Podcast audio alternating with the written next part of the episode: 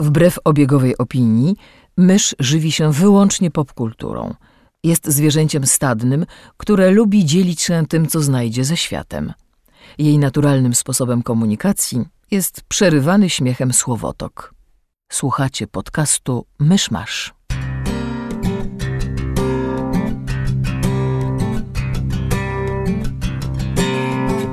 Gospodarzami podcastu Myszmasz są Krzysiek Ceran, redaktor portalu Avalon. Kamil Borek ze studia Kobart. i Mysz, autorka bloga Mysza Mówi. Drodzy słuchacze, jest 10 sierpnia 2015 roku, rocznica rozpoczęcia wyprawy Ferdynanda Magellana. Zapraszam do 105 odcinka podcastu Myszmasz. Co, ja mam coś mówić? No przywitaj się i pożegnaj od razu. Dobrze, to cześć słuchacze. E, Ja puściłem nagranie, a teraz idę umierać, bo, bo, bo jestem chory na wszystko i, i tak. Makaca! Skacowany hipochondry. Nic nie wiecie, mam chorobę popromienną. Przy takiej pogodzie to w sumie się nie dziwię. Ale za to zamiast Kamila mamy dzisiaj e, w studiu, to znaczy u nas w salonie gościa. Przyjechała do nas AF, czyli Wiedźma na orbicie z Krakowa. Cześć wszystkim. Jej! Ej, A teraz sobie idź. też cię kocham. Bye. Papa. Em, jak skończymy nagrywać, to mam kliknąć ten duży czerwony przycisk. E, tak. Dobrze. Ooh, what does this button do? Idź sobie, Didi. Uhuhuhuhu, przycisnę chyba tu. Uhuhuhuhu, przycisnę chyba tu. Nie, nie oglądałem Laboratorium Dextera, szczerze mówiąc. Ani chojraka, ani krowy i kurczaka, Nie, nie. ani... Ja się chojraka bałam. Samurai Jack to jedyne, co dla mnie Jacka istniało z oglądałam. Network. Ostatnio gdzieś wpadłam na serię gifów na Tumblrze and I realized what a smart show that was. I really want to watch it now. Znaczy, wiesz on był wizu- wizualnie przede wszystkim rewelacyjny. Nie, ale wiesz co, na przykład taki, ta, ta, taka scena, gdzie ten, gdzie Samurai Jack się, się coś tam, wiesz, kłóci, znaczy kłóci, spiera z Aku. Jest już taka scena na zasadzie, że em, spotkamy się tam pod tą wzniosłą górą, gdzie odbędziemy pojedynek na śmierć i życie i gdzie wreszcie nad tobą zwyciężę. Wiesz, i chwila taka Samurai Jack się rozgląda i takie... Aku się pyta, wiesz jak tam dojechać? Słuchaj, jadę w tamtą stronę, mogę cię podwieźć. I to było w tej bajce i po prostu wiesz, takie cudowne sceny. No, a w ogóle mamy off-top. Tak w ogóle wspomniałeś, że witam w naszym e, salonie, w waszym salonie. Zacząłem się zastanawiać, kiedy ostatni raz nagrywaliśmy w studiu. Bardzo dawno temu. Prawda jest taka, że ponieważ pamiętam, nie, że nie kie- mamy kie- samochodu i nie chce nam się jeździć do studia. Kiedyś nas chwalili za jakość dźwięku, ale to było dawno temu. A ja w sumie nie słuchałam tych naszych ostatnich odcinków nagrywanych w domu. Nie, wiem, jaka jest jakość. są, są w porządku. Czy nie brzmimy jak ze studni? Słychać, że nie siedzimy w profesjonalnym, wy, wy, wy, wytłumionym, wygłuszonym, Obie formy chyba są poprawne. wyklepanym pojemnikami po jajkach studiu nagraniowe. Mam ze 300, możemy to zrobić. Czemu masz 300 pojemników po Bo jajkach? za każdym razem jak kupuję jajka, to potem je odkładam na lodówkę. Czy my jesteśmy podcastem lifestyle'owym? Could we move on, please? Mamy tu gościa, możemy gościa wykorzystać. Ale A, ja właśnie. bardzo chętnie poznam techniki nagrywania, przecież to dla mnie to jest wielka tajemnica, jak powstaje podcast, więc wszystkie takie, każde, każde szczególiki Dla to nas jest to dla mnie też jest- złota. Dla nas to też jest tajemnica, dlatego że potem jak my to nagramy, Kamil znika na parę godzin w, u siebie w pokoju, a potem wraca z gotowym odcinkiem. Nikt nie wie, co się Tak, dzieje. więc ja wiem jest, jakie są pierwsze kroki. Potem Kamil coś z tym robi, potem fala czekolady zalewa pole zboża I tak powstał gdzieś na końcu jest z tego podcast. Tak. E, Dobrze, ale masz rację, mamy w studiu gościa. Gościom zawsze zadajemy e, jedno bardzo ważne pytanie. To nie jest pytanie, na które odpowiadałam? Właśnie. W lutym bodajże? Tak, prawda. O kurczę, nie wiemy, co z tobą zrobić, nie mamy do ciebie pytań. E, nie, to może klasycznie, ponieważ prawie każdy odcinek zaczynamy od tego, co się z nami popkulturowo działo w ostatnim tygodniu. E, to może się zapytamy, co ty porabiałaś. Tak, tak. Zmy, Zmieńmy temat, zanim słuchacze sobie uświadomią, że zapomniałem, że EF już u nas gościła. Tak, i podobnie jak za moim pierwszym razem muszę wam powiedzieć, że odpowiedź będzie bardzo, no, niekoniecznie ciekawa, ponieważ przez ostatnie tygodnie spędzam swój czas w Eurzei, czyli w wirtualnym świecie stworzonym w Final Fantasy XIV i tak jakoś się składa, że popkultura lekko mi ucieka z radaru. Nie no, przecież Final Fantasy to jest, e, no, bardzo ważna popkulturowa marka. W ogóle filar popkultury. Ale szczerze mówiąc, nie bardzo wiem, co powiedzieć, bo nie grałem w żadne Final Fantasy, ale oczywiście przez jakąś osmozę coś o serii wiem. E, widziałem Spirits Within, więc... O kurczę, nie wiem, czy to jest coś, co przy czym powinien się tak bardzo chwalić, chociaż może dla osoby, która oglądała ten film w oderwaniu od e, gier, był jest on całkiem spoko. Mojemu tacie się bardzo podobał. Żeby było śmieszniej, nie wiem dlaczego go oglądał, ale zawołał mnie na zasadzie, ty wiesz co to jest? Ja takie mówię, to jest chyba coś związane z Final Fantasy. Bo jest, mój tata takie, bo jest takie strasznie ładne, choć obejrzysz ze mną, żeśmy obejrzeli i oglądałam od środka, nie zrozumiałam nic, ale w sumie ładne. No, Coś tam, coś tam Gaja. To... Tego nawet nie pamiętam. Wiem tylko, że to było Final Fantasy. Któreś? Siedem? Mm. Nie, nie. Sześć, pięć? nie ma nic wspólnego. Jakby numerki dostają tylko gry, A to nawet- film Już widzisz, jaki jest, podtytuł. widzisz, jaki jest zakres mojej wiedzy. Dobra. E, Ale przechodząc, e, bo tak, to jest pierwsze MMO Final Fantasy, czy wcześniej nie, było... to jest drugie MMO. E, Czego ma numer raz- 14? Czego ja nie rozumiem? Bo jest tak jakby czternastą częścią głównej z- serii. E, Tak, przy czym to jest seria, podczas gdy tak naprawdę każda część nie jest powiązana z poprzednimi, chociaż powtarzają się pewne nazwy, pewne schematy, pewne, Pewne postaci nawet z motywy, tego co tak. wiem. E, No nie licząc tego, kiedy na przykład zrobili grę Final Fantasy X, a potem zrobili grę Final Fantasy X-2, to jest wciąż Właśnie moja ulubiona robią- część sagi. Ostatnio robią takie, takie od, e, spin-offy i e, serie w serii, czyli mają na przykład cała, cała e, Final Fantasy 13 ma tak naprawdę trzy gry. To trochę tak jak Assassin's Creed 2 jest trylogią gier. Coś w tym stylu, e, tak. E, Natomiast 14 nie jest pierwszą MMO. W zasadzie można by nazwać, że nawet trzecim, ponieważ na początku, w latach, początkowych latach 20, 2000, 2004, 2003 chyba jakoś tak, e, było pierwsze MMO Final Fantasy 11 e, i ono trwało z 10 lat. Było, generalnie grało się w niego. No i potem w około, kiedy to był rok 2012 czy 10 stworzyli kolejne właśnie, kolejną część, nowe zupełnie MMO 14. Przy czym było straszliwą klapą finansową i y, krytyczną, tak się mówi. Y, Zbierało, zbierało same negatywne recenzje i mm, Square stwierdziło, że zrobiło, zdecydowało się na bardzo ryzykowny krok.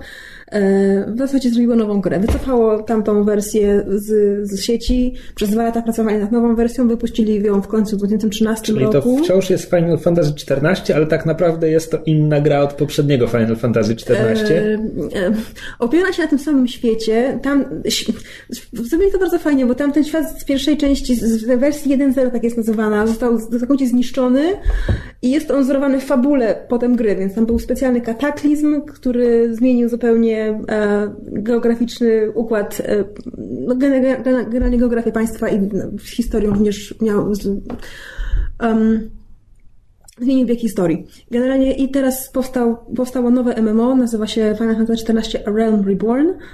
E, I to jest to właśnie, to jest to, które gra się teraz. Nie robimy tego. Nie robimy tego. E, Ja widzę, że bardzo dużo gestykulujesz, gestykulujesz w powietrzu, a nie na stole. Dobra, e, jeśli mogę Ci zadać parę pytań, Ty w ogóle e, grasz regularnie w MMO, inne MMO? Czy... E, nie, właśnie to też jest ciekawa sprawa. To jest moje tak naprawdę pierwsze poważne MMO, w jakie grałam. E, Ze 2-3 lata temu miałam taki miesięczny, czy no nawet trzytygodniowy romans z Star Wars The Old Republic, który mi się podobało, ale coś było nie tak i jakoś, jakoś nie, nie wkręciłam się w to ja, tak ja mam w bardzo. sumie podobnie, że tam z, z- zanurzałem palce w wodzie, nie wiem, Star Wars Galaxy, Star Wars The Old Republic, DC Online, który ma fantastyczny kreator postaci i nim się bawiłem najdłużej. E, no właśnie, więc e, i co, i do tego przyciągnęła Cię, jesteś fanką serii Final Fantasy? No to jest dla mnie idealne połączenie. Po prostu coś, co znam, co jest mi znajome, e, wprowadziło mnie do MMO i teraz jestem totalnie zakochana. Przede wszystkim w Final Fantasy XIV, ale powiem szczerze, że e, moja ciekawość e, tego gatunku zaczyna przeskakiwać na inne tytuły i, i zaczynam przede wszystkim, nie, niekoniecznie może chcę grać, ale czasami sobie oglądam jakieś filmiki z gameplayu czy coś, jak te gry inne wyglądają. MMO naprawdę mnie zainteresowało. W sensie mm, takim bardzo z Generalnie tak, moim pierwszym MMO faktycznym jest e, właśnie Final Fantasy XIV A Realm Reborn. Grałam w zeszłym roku przez kilka miesięcy bardzo intensywnie. A potem przestałam z różnych tam powodów i teraz powoli stwierdziłam, że mam ochotę wrócić przy okazji prawdopodobnie w związku z dodatkiem, pierwszym dużym dodatkiem, który wyszedł miesiąc temu, Heaven's Word, e, którego też zaczęłam niedawno e, ogrywać i jest fantastyczny. I, I bardzo dobrze się czuję w tego typu grach. To jest gra, która stawia mocno na fabułę, czy... Tak, tak. Mhm. E... Ale do tego stopnia na przykład właśnie jak w The Old Republic, czy... Nie, nie, nie. Znaczy mm, w The Old Republic fajne było to, że bohaterowie faktycznie mieli głosy, oni mówili, tam były wybory takie, takie Mass Effectowe praktycznie, gameplay był. No, BioWare. No jedno właśnie. i drugie. No tak, no bo The Old Republic to tak naprawdę było sześć pośrednich sequeli Kotora, tylko zlepionych w jedną grę. Mhm. Sześć, osiem, nie pamiętam ile tam jest klas postaci do wyboru. W każdym razie, tak, więc to był w zasadzie single player, który zmuszał cię do uczestniczenia w grze. Dla wielu osób, co mnie trochę odrzucało od całego przedsięwzięcia. W 14 jest, y, bohater jest generalnie niemy, y, więc prze, przechodzi tą fabułę roz, rozmawiając z innymi NPC-ami, ale nastawienie na fabułę jest tutaj bardzo istotne, ponieważ no, fabuła przede wszystkim jest naprawdę bardzo dobra, y, bardzo wciągająca, wielowątkowa, zaskakująca, również bardzo finalowa, to też jest ważne dla, dla, dla fanów. E, Natomiast y, i, jeśli chciałoby się przejść do dodatku, właśnie Heaven's Word, nie da się tego zrobić, dopóki się nie skończy wszystkich questów fabularnych. To jest, to jest wymaganie, więc fabuła jest to bardzo duże nastawienie e, na to, co na to, co się dzieje. E, Wszystkiego, wszystkiego, wszystko, co, się, co wiadomo z gry i dotyczy gameplayu, dowiadujemy się z fabuły. Na przykład wszystkie, wszystkie, wszystkie dungeony, wszystkie dungeony w wersji hard, wszystkie inne instancje dodatkowe i tak dalej, wszystko ma swoje fabularne wyjaśnienie. Jeśli przechodzimy do tej samej lokacji drugi raz, to też wiadomo dlaczego. Bardzo ta gra jest naprawdę dobrze napisana. Okej, ale czy, czy gra zmusza cię do interakcji z innymi graczami, czy jakbyś chciała, mogłabyś w to grać tak jak singleplayerową grę? Nie, nie, nie jesteś w stanie, ponieważ są, no, nie przejdziesz dungeonu sam w pojedynkę, to wiadomo, ani instancji nie zrobisz, a to są y, fabularne, również, również wymagane fabularnie elementy gameplayu, gry po prostu, więc, więc jest y, bardzo duże nastawienie na, na, na grę z drugim. Na, na, można przejść oczywiście samemu to wszystko. Wtedy się dobiera drużynę tak zwanego Duty Findera, który dobiera różnych graczy, którzy akurat w tym samym czasie chcą zrobić tego dungeona. I, I wtedy przechodzi się to razem z, po prostu z grupą obcych ludzi. I jest się to w stanie zrobić. Ja tak przyszłam do, do endgame'u, tak właśnie doszłam. Um, ale dalsze, dalsze, trudniejsze instancje, rajdy i tak dalej wymagają już bardziej z, z kontakt, utworzenia, dołączenia do gildii, to się, tutaj się nazywa to free companies um, i grania wspólnie, wspólnego, wspólnego atakowania tych, tych, tych um, environment, environmentów. Okay. A jaki to jest model płatności? To jest płacisz raz i masz dostęp do wszystkiego? Niestety nie, to jest abonament, płatny abonament. Jedna z niewielu obecnych chyba. Myślałem, to jest wymierający gatunek MMO. No, podobno, też to słyszę. Natomiast wie, coraz i, i ostatnio w grze widzę naprawdę bardzo dużo nowych osób, więc myślę, że no, jak na grę, która wymaga od, od ciebie płacenia, jeśli, jeśli gracze są, chodzą, grają, coś w tym musi być, no. że zostają. Jedyne MMO, które mnie kiedykolwiek wciągnęło na trochę dłużej, to był Star Trek Online który ma śmieszną konstrukcję, bo każda misja udaje jakby odcinek. Tylko, że tam oczywiście nie ma fabuły, więc tak naprawdę to jest tylko kwestia, że w ramach jednego odcinka e, trochę polatasz statkiem w przestrzeni, postrzelasz do innych statków, trochę teleportujesz się na planetę i będziesz biegać tam z paroma osobami ze swojego mostku.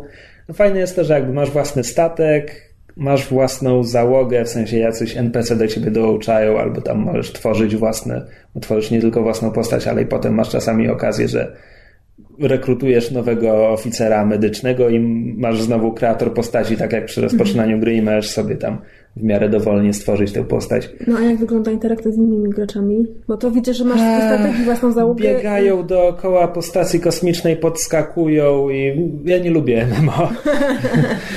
Więc Star Trek Online wciągnął mnie na tyle, również dlatego, że mechanizmy MMO mnie nie przekonują. To, że na przykład, wiesz, jestem rycerzem Jedi i mam moc, pchnię cię mocą, ale jak go użyję, to potem muszę odczekać parę sekund, aż cooldown się skończy.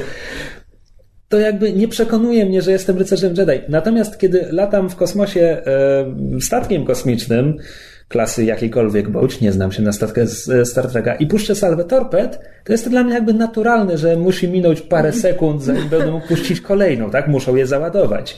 Więc jakby w ten sposób mechanizmy MMO w tym wszechświecie, czy w warunkach właśnie walk kosmicznych jakby miały dla mnie więcej sensu e, niż, niż, e, niż w większości MMO, kiedy to jest po prostu kwestia ojej, moja super pięść musi się teraz naładować.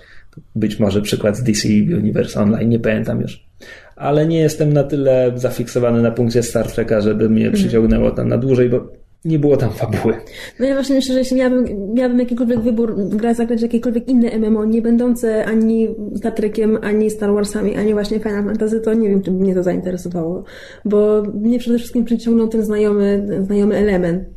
To jest świat po prostu, który ja znam, który znaczy niekoniecznie świat, ale e, uniwersum, który ja znam, które kojarzę, które mnie jara, więc to było to, to było to. To nie, to nie był wybór po prostu, po prostu to było to moje MMO. A ja w tak- sumie i tak jestem wyszło. ciekawa, czy mi by się MMO spodobało. To znaczy, znając moje obsesyjno-nałogowe relacje z grami komputerowymi, to znaczy gram przez dwa tygodnie non-stop, a potem nigdy do gry nie wracam, nawet jej nie skończywszy. Nie, przepraszam, ostatnio pierwszy raz w życiu skończyłam grę od początku do końca, był to Wiedźmin pierwszy. And it was awesome. Ale w każdym razie, biorąc pod uwagę, że mam taki obsesyjny charakter, to boję się, że gdybym zaczęła grać w MMO, to bym nigdy z nich nie wyszła. No ja też się tak bałam to rok, ten rok temu, że to po prostu, że, że będę grała i do końca życia i seriale sobie pójdą po prostu gdzieś indziej i nie zapomnę o tym, że mam je oglądać, ale, ale No, Też się kiedyś tego bałem, a to potem przekonałem się, że każde jedno MMO, którego próbuję, mnie nudzi. Ale właśnie wiesz co, bo to jest, to jest kwestia tego, że ja nigdy nie próbowałam MMO z bardzo prostego powodu. Nigdy nie miałam na tyle dobrego internetu, żeby to miało sens. To inna sprawa. Autentycznie, nigdy w, w tych różnych, prawda, nie wiem, miejscach, gdzie mieszkałam, różne internety, różni dostawcy, różne formy tego internetu, czy po kablu, czy nie po kablu, zawsze było coś nie tak. Zawsze, zawsze mi się to wszystko wieszało i nigdy tak naprawdę nie mogłam sobie porządnie pograć. E, Antek, skocz po wiaderko internetu. Dobrze, to chyba tyle o MMO. E, MMMO. MMO. O MMO. Um, Krzysztofie, ty coś um, konsumowałeś popkulturowo? Um, Om nom nom nom. czytam teraz Zaginioną dziewczynę, ale po pierwsze jeszcze nie skończyłem, La a la po la drugie... la la la. Właśnie, mamy to omówić razem, kiedy ty przeczytasz, więc to Tak. jakby jest mniejsza. Obejrzałem zwiastun Deadpoola, ale był to ten sam zwiastun, który wyciekł, był z Comic-Conu i już o nim mówiliśmy, kiedy wyciekł. Teraz tylko można go obejrzeć wyraźnie i nie zmieniam zdania. To nie do końca moje poczucie humoru i to nie do końca mój Deadpool. A, a propos Deadpoola, ponieważ akurat mnie ten film bardzo ciekawi, ale nie dlatego, właśnie ja nie znam Deadpoola. Wiem, że jest to jakiś, znaczy, boże, jakiś. Wiem, że to jest y, superbohater, który jest tak jakby trochę parodią superbohatera i z, z burzy czwartą ścianę w komiksach i tak dalej. Czy ma- dla osoby, która nie zna w ogóle komiksowego Deadpoola, ten film i w ogóle mm, cała ta akcja z trailerem ma sens? W sensie powinnam to Tak, obejrzeć? Będę wiedziała, o znaczy- co chodzi? Nikt nie robi ekranizacji komiksu z takim budżetem, żeby ona była tylko dla fanów komiksu, bo to by się nigdy nie zwróciło. Okej, Wszystkie no tak, ekranizacje komiksów są robione dla szerokiej publiczności. E, I tak, no to jest. Ze zwiastunu wynika, że i ten filmowy Deadpool będzie trochę, czy mm, trochę, no będzie mrugał do widza, zwraca się prosto do kamery. E, Czy będzie komentował to, co się dzieje, tak jakby właśnie mówił do, Tak. Do, nas czy do kogoś. Tak, no i w zwiastunie widzimy już dowcip nawiązujący do kariery Reynoldsa, bo pojawia się, znaczy jest aluzja do Green Lanterna i czego tam jeszcze? Nie, do Green Lanterna. Do Green Lanterna, no tak, właśnie. no bo Tak, tak. Jest, jest tam tekst a propos to, kostiumu. będzie, więc to będzie tego typu dowcip. Natomiast komiksowy Deadpool jest... Zależy, zależy kto go pisze. Tak, ale e, on ma fajną historię, bo on zadebiutował w Marvelu stworzonym przez Roba Liefilda, znanego jako koszmarny rysownik, który zarabiał kiedyś miliony dolarów za swoje rysunki i nikt tego dzisiaj nie rozumie, ale najwyraźniej lata 90., jeśli tego nie przeżyłeś, to nie wiesz. E, I on zadebiutował w Marvelu jako kalka, ale po prostu kalka postaci Deathstroke'a z DC. Kompletna. E, Deathstroke, ksywa. Deathstroke, nazwisko, imię, nazwisko Slade Wilson. Potem Deadpool, Wade Wilson. To jest jakby, to, jest, to, to, to nie starał się nawet. I Rob Liefeld pisał go po prostu jako takiego najemnika, który był przeciwnikiem tej grupy mutantów której przygody on pisał, czy rysował, czy cokolwiek. I dopiero następni autorzy, zwłaszcza Joe Kelly, przyszli i, i zamienili Deadpoola z marnej kopii Deathstroke'a w parodię superbohaterów i takich mrocznych antybohaterów i ogólnie postaci komiksowych. E, no a potem pojawiło się też to przełamywanie czwartej ściany i tak dalej. A jednocześnie Joe Kelly i paru innych autorów jednocześnie pisali go również jako pełnokwistą postać, która ma jakieś uczucia, ma mm, emocje, przeszłość, przeszłość i tak dalej. E, ale obecna popularność Deadpoola wzięła się z komiksów sprzed ładnych, no nie ładnych paru lat, ale z takiej jakby, nie wiem, 2005-10 powiedzmy, taki okres, kiedy on był pisany po prostu płaski jak kartka papieru, po prostu dowcip za dowcipem i już nie był postacią, był tylko taką Trochę, trochę ala college douchebag. To tak, mniej więcej ten poziom humoru. Tak, kalkomanią rzucają są kiepskie dowcipy i za jakieś grzechy ta wersja Deadpoola stała się tą tą, która obecnie jest popularna. Nawet y, pomimo tego, że on teraz w komiksach już nie jest tak pisany, już kto inny go pisze. E, więc tak, no cały czas się trochę obawiam, że to się odciśnie źle na filmie. Była gra komputerowa z Deadpoolem, która zdaje się była właśnie, że tak powiem, z tym Deadpoolem. Nie wiem, nie grałem. A no, tak, i to jest, to jest Deadpool. Pożyjemy, pójdziemy do kina, zobaczymy. Ja w każdym razie jestem bardzo szczęśliwa. Krzysiek się na mnie patrzy, zastanawiając się, czy mi nie odbiło. Nie, nie. Każdy ma prawo. A ciebie ten film jakoś tak nieszczególnie? No po pierwsze właśnie powiedziałem ci, jakie mam obawy związane z Deadpoolem. Okay. Po drugie Fox. Fox, filmy Foxa Ja nawet mam, wiesz, nawet X-Menów, których uwielbiam, mam listę zastrzeżeń do ekranizacji X-Menów długą jak moja rełka, więc tym bardziej nie ufam Deadpoolowi. Okej. Okay. Ale zobaczymy. Może coś z tego będzie. To ty już nic nie masz? Nic zupełnie? Oj, Ja siedzę po łokcie w e, konkursach na awangardę. To może jakiś najnowszy wampir, który, którego wyszukałaś? Znaczy, o, biorąc pod uwagę, że ten odcinek wyjdzie po awangardzie, to mogę w sumie powiedzieć o paru rzeczach, które odkryłam przypadkiem. Um, nie, na przykład przypomniałam sobie o istnieniu takich... Czekaj, wstęp, że, że organizowałeś konkurs. A, dobrze. Bo um, na awangardzie, znaczy w tym momencie, jak tego słuchacie, to organizowałam czas przeszły, ale w momencie, kiedy to nagrywamy, to konkursy są jeszcze przede mną. E, w każdym razie dwa konkursy. Jeden to jest um, Jaka to melodia Disney i ten konkurs już na, na Awie był i była bardzo fajna zabawa. Natomiast w tym roku po raz pierwszy um, będzie konkurs, był konkurs. This is so weird. Um, multimedialny konkurs wampiryczny, tak to nazwałam. Um, multimedialność polega na tym, że są klipy z filmów, są soundbite, czyli jakby fragmenty dźwiękowe, um, są fotosy, są zdjęcia, są jakieś ilustracje, są pytania opisowe i tak dalej, i tak dalej. I to jakby z, z wielu dziedzin popkultury, tam literatura, film, seriale, gry, animacje i tak dalej. E, I, I w związku z tym ostatni tydzień spędziłam po łokcie zagrzebana w w szeroko pojęte wampiry w popkulturze. I na przykład przypomniałam sobie o istnieniu takich, takich perełek jak um, Cirque du Freak The Vampire's Assistant na podstawie um, takiej młodzieżowej serii książek właśnie o chłopaku, który zostaje asystentem e, wampira, który z kolei przewodzi um, takiemu objazdowemu pokazowi dziwolągów, czyli freak show. Um, przypomniałam sobie istnieniu całej chmary absolutnie cudownych, niepoważnych, kampowych, durnych filmów o wampirach z lat 80. To po prostu była jakaś cudowna plaga i ja chyba kiedyś zrobię wpis o tych filmach, dlatego że tam są tak absolutnie cudowne po prostu babole, że znaczy, jeżeli ktoś te filmy nawet wtedy oglądał na poważnie i kręcił na poważnie, to zrobił coś nie tak ze swoim życiem, bo one są tak kompletnie przekomiczne, że nie wyobrażam sobie, żeby ktokolwiek miał je kręcić na serio. A mimo wszystko mam wrażenie, że część z nich była tak nakręcona. Bo tam filmy typu The Lost Boys, czyli Zagubieni Chłopcy z Kiterem Sutherlandem, to jakby każdy szanujący się fan, fan wampirów powinien już znać. Natomiast są, są takie mniej znane. Na przykład, to jest mój ulubiony przykład i, i, i w konkursie jest, jest film Once Bitten, w którym um, pierwszą i chyba, może nie ostatnią, ale jedną z niewielu e, ról romantycznego lida w filmie zagrał młody Jim Carrey.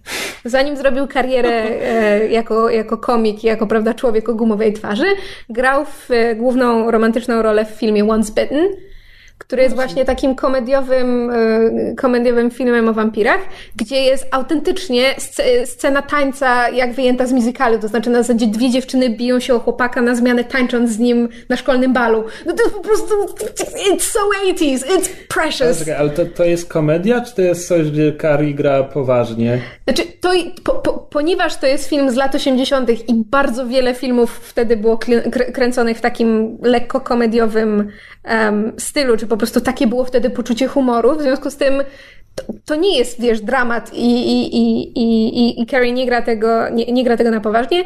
Natomiast um, są, są momenty, gdzie jednak jakiś tam pr próbuje dramatyzm oddać, no bo ty, wiesz, tam, prawda, konflikt, on nie chce, ale tu go wampir ugryzł i on się przemienia, bla, bla, bla prawda, sztampa jedzie sztampą, natomiast y, widać już tutaj te, te zadatki właśnie na człowieka, człowieka z gumy i, i, i tę jego późniejszą karierę, bo Pytam. komediowy timing ma bardzo dobry. Pytam, bo niedawno powtórzyłem sobie Eternal Sunshine of the Spotless Mind i zacząłem się teraz zastanawiać, czy ten jego nagły skryt ku poważnym filmom sprzed 12 lat, czy to było...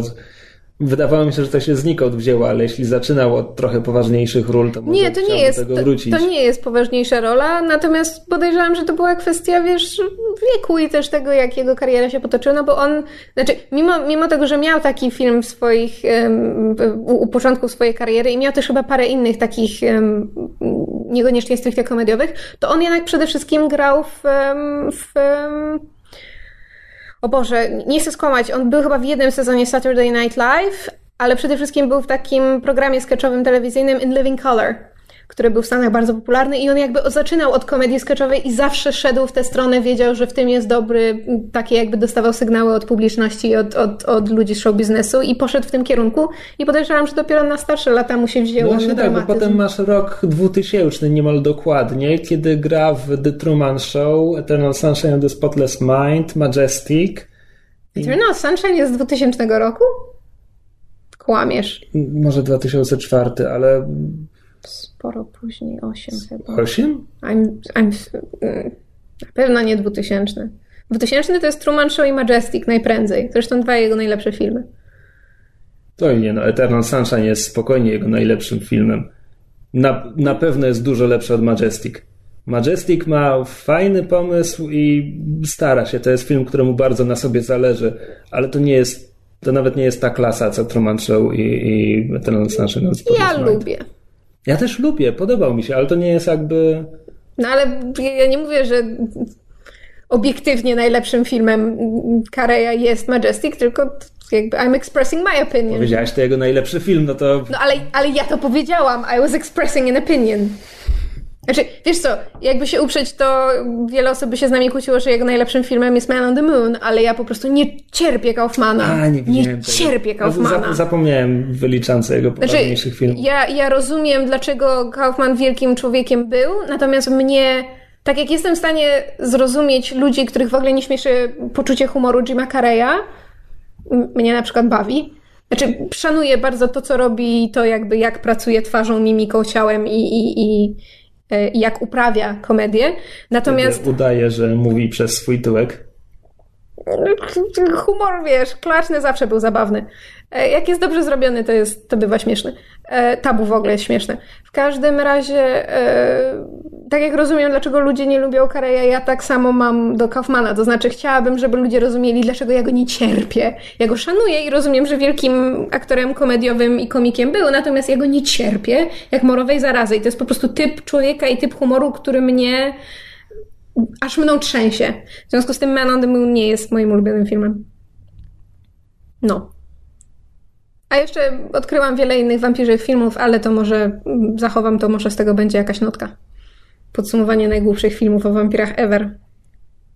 To może być długa To może być długa lista. Tak, ale chodzi o takie naprawdę, wiecie, mało znane pozycje, które są na jakimś, na jakimś szarym końcu list pod tytułem e, wszystkie filmy o wampirach ever i mają jakąś punktację typu, nie wiem, półtorej gwiazdki czy coś takiego na 10. Nie, no aż tak źle nie jest. Sprawdzałam na IMDb, większość się waha, z tych gorszych waha się koło pięciu gwiazdek. Ale to jest, jak na IMDb to to jest kiepsko. No, ale to zobaczymy. Może coś się z tego urodzi, jakiś tekst. Przeczytałem, to już było jakiś czas temu, więc zatarły mi się szczegóły. Przeczytałem książkę pod tytułem Kraina baśni autorstwa Paula Macauleya, który jest brytyjskim autorem sci-fi i nawet nominowano go do jakichś nagród, ale przyznam, że nigdy w życiu o nim wcześniej nie słyszałem. I opowieści Kraina baśni w oryginale Fairyland też w życiu nie słyszałem, a przeczytawszy zacząłem szukać informacji na jej temat i znalazłem na jakimś portalu o science fiction, którego nazwy nie pomnę, znalazłem bardzo entuzjastyczną recenzję i to taką spisaną po latach, bo książka jest z 95. Bardzo entuzjastyczną recenzję, natomiast potem stwierdziłem, że nawet nie ma własnej strony na TV Tropes, więc nawet jeśli ona była nagrodzona i są ludzie, którzy uważają ją za bardzo dobrą, to nie ma ich wielu. Jeśli nawet na TV Tropes nic nie ma. No i tak, i powieść e, zapadła mi w głowę pewnie nie z tych powodów, na które liczył autor, i ten odcinek będzie miał pewien temat przewodni, do którego przejdziemy dalej, ale najpierw muszę powiedzieć, o czym właściwie jest książka, żebym mógł wytłumaczyć, o co mi chodzi i czemu mam z nią problem. E, Kraina baśni rozgrywa się w bliskiej przyszłości, to jest jakiś początek XXI wieku. Nie jestem pewien, czy pada konkretna data. Mam, na, mam wrażenie, że chodzi o jakieś lata 2030 coś, ale mogłem to wymyślić w tym, w tym momencie. I jest podzielona na trzy części. Głównym bohaterem jest Alex Sharkey, angielski, technicznie rzecz biorąc haker, ale tak naprawdę genetyk, tylko że ponieważ to jest cyberpunk, więc widzicie, jest hakowanie genów i w ogóle. E, I on jest głównym bohaterem, który przewija się przez całą książkę, ale na przykład w środkowym segmencie pojawia się szkocka pielęgniarka, która właściwie jest główną bohaterką środkowego segmentu, a Alex jest bardziej w tle. A z kolei w ostatnim segmencie pojawia się amerykański dziennikarz, który jest powiedzmy równorzędnym bohaterem tego segmentu. I tak jak szkockiej pielęgniarki nie ma w pierwszym i trzecim segmencie, amerykańskiego dziennikarza nie ma w pierwszym i drugim, więc ci bohaterowie się tak wymieniają i tylko Alexis jakby przewija się przez całą książkę. I pierwszy segment toczy się w Londynie, kiedy on wikła się w jakieś, ma jakieś konszachty z przestępcami, on programuje jakiś komputerowy wirus, który działa jak narkotyk, nie rozumiem, nie pamiętam, nie przejmujmy się tym. Może chodzi o jakiś hormon narkotyczny, nie wiem. E, I, I ma z tego jakieś pieniądze, ale ma też długi, więc musi coś szybko wykombinować, szybko potrzebuje kasy. A gangster, z którym się kontaktuje, właśnie rozkręca nowy interes, który będzie polegał na tym, chce zorganizować safari, w którym będzie się polować na lalki. I teraz tak, to jest świat, w którym inżynieria genetyczna poszła do tego stopnia do przodu, że ludzkość potrafi tworzyć lalki, które są humanoidalnymi karzełkami. Tak naprawdę to są takie organiczne roboty, bo je można zaprogramować, żeby robiły różne funkcje, a same z siebie, przynajmniej tak to zrozumiałem, same z siebie mm, nic nie robią. Potem nie pamiętam konkretnie splotu wydarzeń, ale Alex trafia na małą dziewczynkę, hiperinteligentną dziewięcioletnią dziewczynkę, która pokazuje mu, jak zmodyfikować te lalki.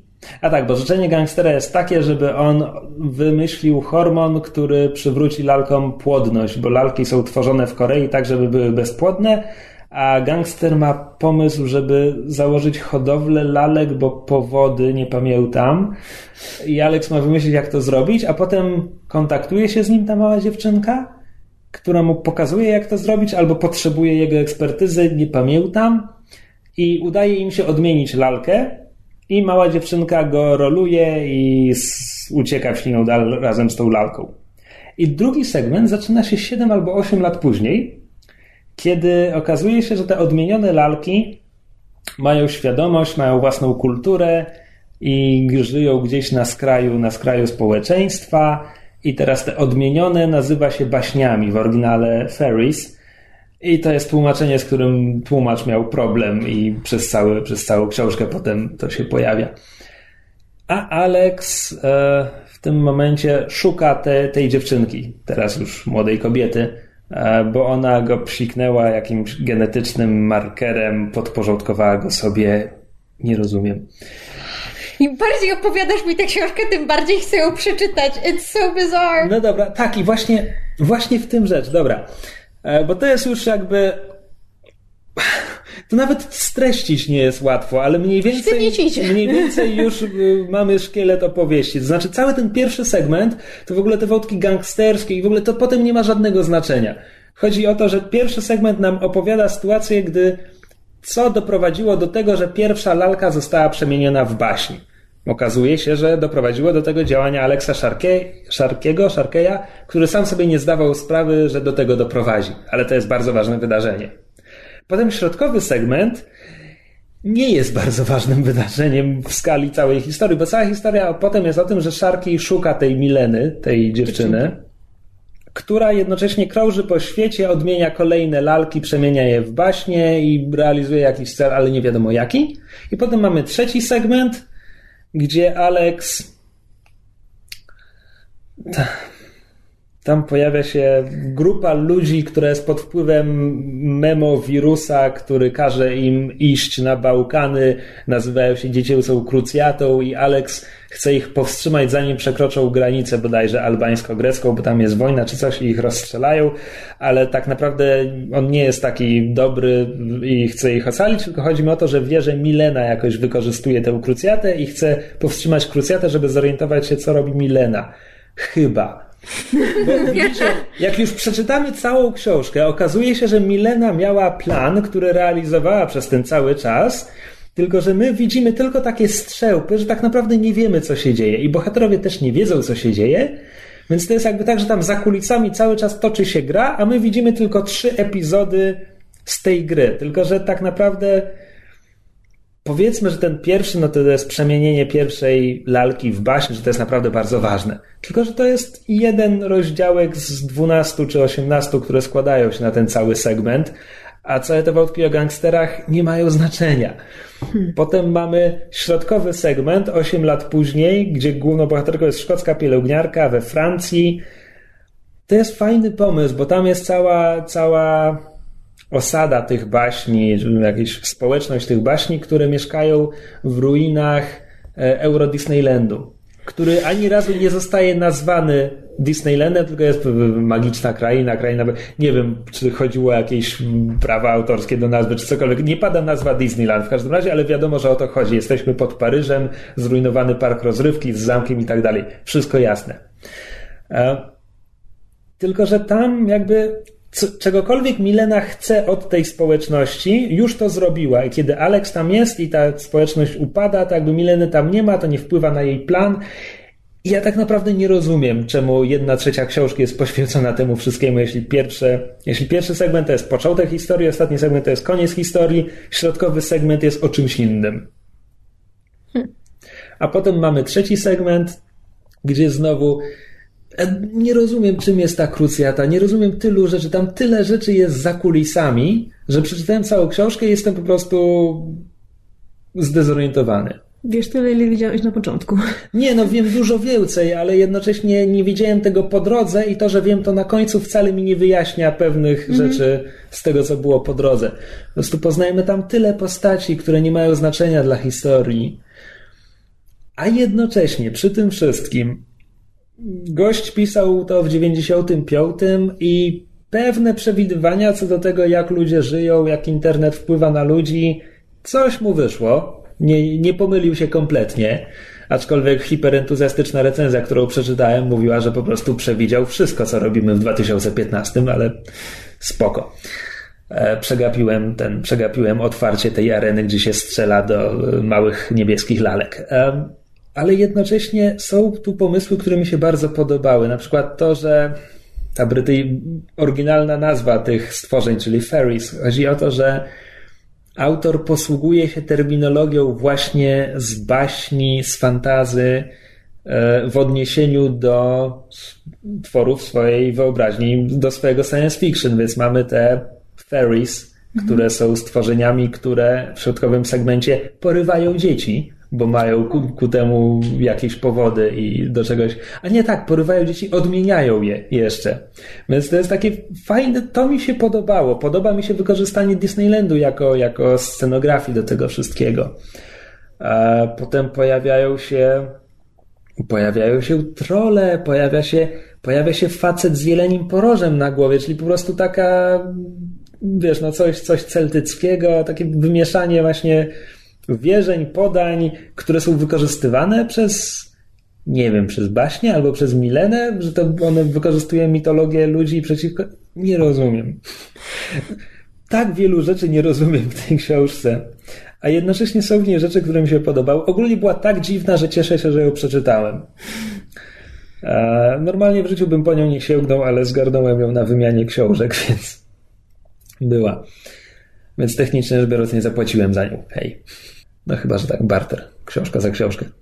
A jednocześnie, i teraz wracamy do pierwszej strony medalu, czyli co mi się tutaj nie podoba. Mm world building, czyli to, jak autor przekazuje informacje o tym świecie. To znaczy, mniejsza o fabułę, mniejsza o to, że ja nie wiem, czemu służy Dziedzictwa Krucjata, mniejsza o to, że nie wiem, o co chodziło w połowie intrygi. E, mniejsza nawet o takie głupotki tradycyjne, wiesz, wizje, jak rozwinie się internet z połowy lat 90., bo oczywiście to jest cyberpunk z 95 roku, więc Alex Sharkey, kiedy przenosi się w sieć, to ma swojego awatara, który jest tam, nie wiem, chyba Bachusem i wyleguje się na leżance i rozmawia z innym hakerem, który prezentuje się jako człowiek z dymu czy cokolwiek. E, ja pamiętam wiele, wiele lat temu, to, to jest śmieszne, bo czytałem to krótko po latach 90. czytałem jakąś książkę Toma Clancy'ego. Nie pamiętam tytułu i nawet nie wiem, czy to była naprawdę książka Toma Clancy'ego, czy tylko z jego nazwiskiem na okładce, a napisał ją inny ghostwriter, bo Clancy chyba tak produkował czegoś, nie? Tak, no właśnie. E, w każdym razie to był techno-thriller, gdzie też był, była bliska przyszłość i zaawansowany internet. I pamiętam jednego z bohaterów, który był hakerem i on jak wiesz z tymi swoimi goglami wchodził do internetu, to internet mu się wizualizował jako autostrada danych, po której on mknął swoją czerwoną korwetą, a jednocześnie mamy powiedziane, że ten internet dla każdego użytkownika wygląda inaczej, więc on wysiada ze swojej korwety na parkingu i rozmawia z kimś, dla kogo ta sama scena jest pokładem parostatku na Mississippi i po prostu ja... Jakie to jest głupie, jak, jak, jaka to jest idiotyczna prezentacja danych?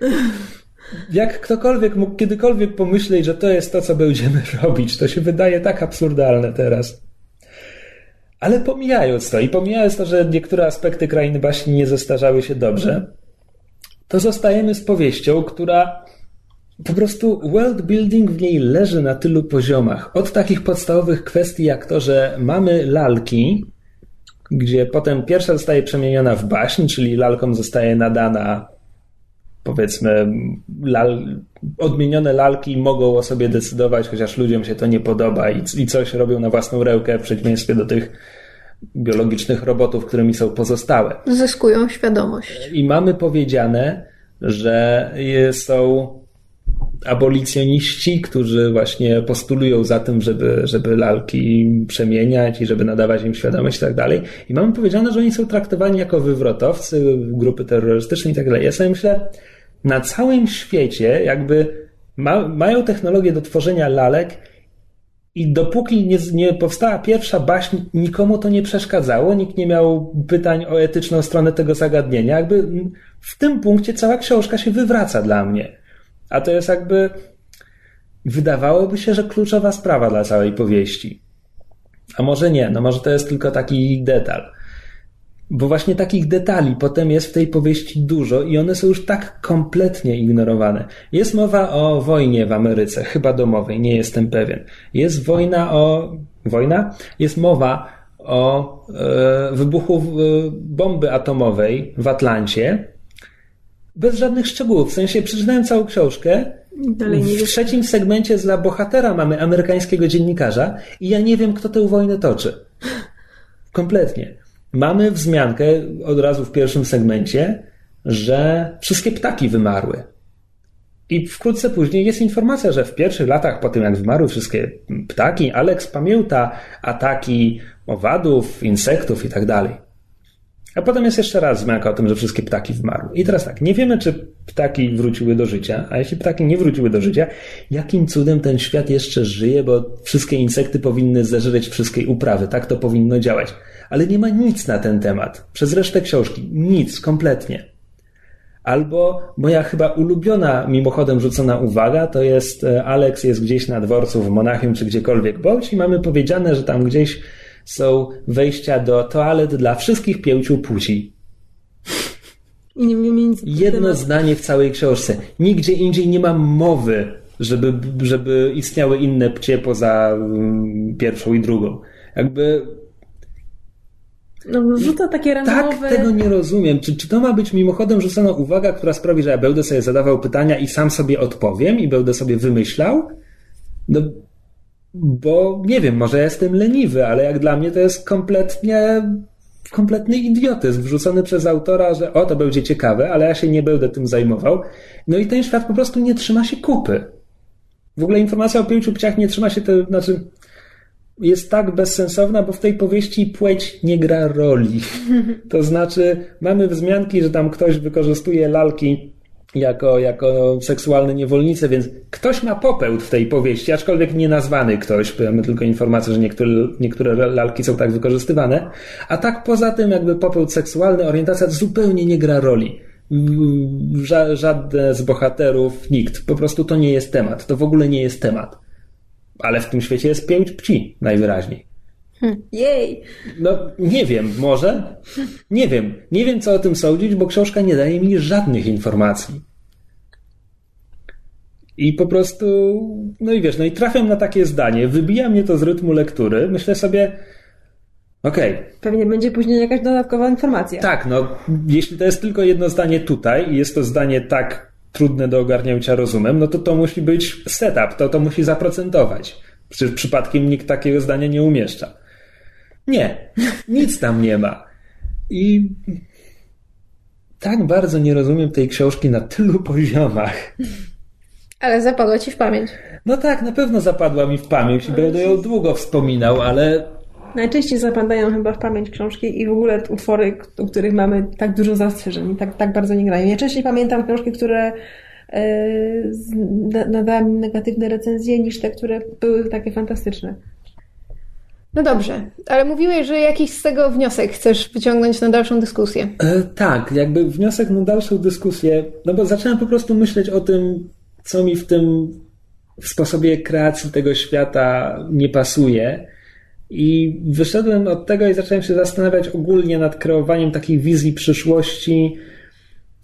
No bo widzę, że można to zrobić na dwa sposoby. To znaczy, można stworzyć wizję przyszłości, która ci wykłada, jak do niej doszło, a przynajmniej tworzysz taką przyszłość, która wydaje się wiarygodna, nawet jeśli nie masz konkretnie punkt po punkcie, co się stało, że, że to mamy. E, I na przykład, nie wiem, no dla mnie Star Trek jest czymś takim, gdzie abstrahując od tego, że oczywiście świat Star Treka ma swoją historię i jeśli ktoś trochę poczyta, to wiadomo dokładnie, co się działo na Ziemi przed pierwszym kontaktem z kosmitami, a potem co było od pierwszego kontaktu z kosmitami do powstania Federacji. Ale abstrahując w ogóle od tego, po prostu oglądasz Star Treka, no i widzisz, no tak, no to są Ziemianie w kosmosie, w tym XXIII wieku bodajże. Jakby to jest świat, który próbuje cię przekonać, że historia ludzkości mogłaby się tak potoczyć. A z drugiej strony masz wizję przyszłości, gdzie masz powiedziane, to jest przyszłość, nie przejmuj się, ma być fajnie. I Dla mnie jakby Firefly jest czymś takim, gdzie jest przyszłość, jesteśmy gdzieś w kosmosie, ludzkość już nie mieszka na Ziemi i mamy kowbojów, Bo tak. bo kowboje są fajni i nie zastanawiaj się nad tym. I za, zacząłem się po prostu zastanawiać, że zacząłem się zastanawiać, czy kraina baśni przeszkadzałaby mi mniej, gdyby nie, gdyby była bardziej odsunięta w czasie, gdybym miał powiedziane, że to jest XXIV wiek, a nie początek XXI. Gdybym nie miał co chwila, bo tam, tam dochodzą jeszcze takie drobnostki, jak to, że mamy, wiesz, rok 2000, 2030 no, być może, a jednocześnie wszystkie odniesienia pop, popkulturalne, które się pojawiają, to są odniesienia do lat 70. i 80. Bo Ale akurat, oczywiście. ale akurat to mnie nie dziwi, dlatego że nawet współcześnie mamy z kolei 80s i 90s nostalgia. To jest po prostu jakby. Mam w ogóle wrażenie, że jeśli chodzi o popkulturę i odniesienia popkulturowe, jakby lata 70., 80. i 90. dla ludzi naszego pokolenia, to jest jakby, to jest ten kanon, do którego można sięgnąć, bo tak. szanse są, że trafisz, to znaczy, że ludzie zrozumieją. Tak, ale jeśli umieszczasz swoją akcję 40 lat naprzód i masz bohaterów, którzy dorastali, że tak powiem, już w XXI wieku i nie mają żadnych odniesień popkulturowych do tych, powiedzmy, pierwszych, znaczy, no tych 20 lat swojego życia. Żadnych. Ale to też Treku jest na przykład często e, E, W Star Treku, w Star Treku jest zasada trójki. Czy czytałeś dzieła e, Sun Tzu, Konfucjusza i Korbaka Zargok? Tam jest zawsze realny przykład, realny przykład, kosmiczny przykład. No i popkultura, e, która ma obsesję na punkcie Szekspirów i Sherlocków, Holmesów, w sensie yy, Star Treku. Tak, ale nie, ma, ale nie ma obsesji na punkcie Madonny, nie ma obsesji, w sensie cofa się dalej, sięga po historyczne. E, To wydaje mi się naturalniejsze niż takie epatowanie czymś, co jest współczesne dla autora. Nie wiem, no może to, ale mówię, no to jest jakby, to jest jakby detal i wydaje mi się, że to akurat jest, bo to nie chodzi, nie chodzi mi o to, że widzę to tak, że wizja oderwana od, e, od współczesności i realizmu jest obiektywnie lepsza od tej drugiej, bo tą drugą tak łatwo schrzanić, jak zrobił to autor Krainy Baśni. E, Jakby wiem, że można to też zrobić dobrze, czy lepiej.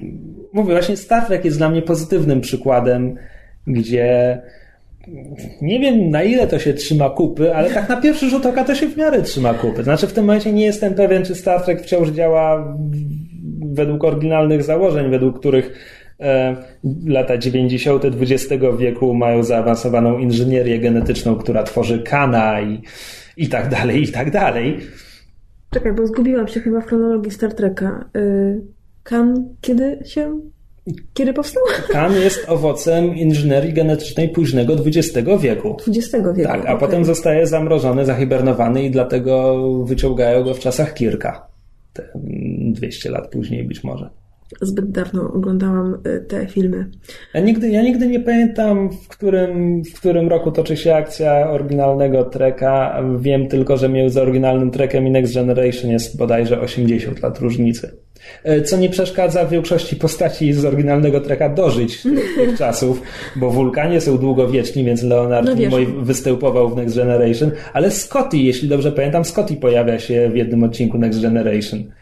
No, No, wiesz, wiesz, nauka poszła do przodu, tak. No, Nam tak, tak.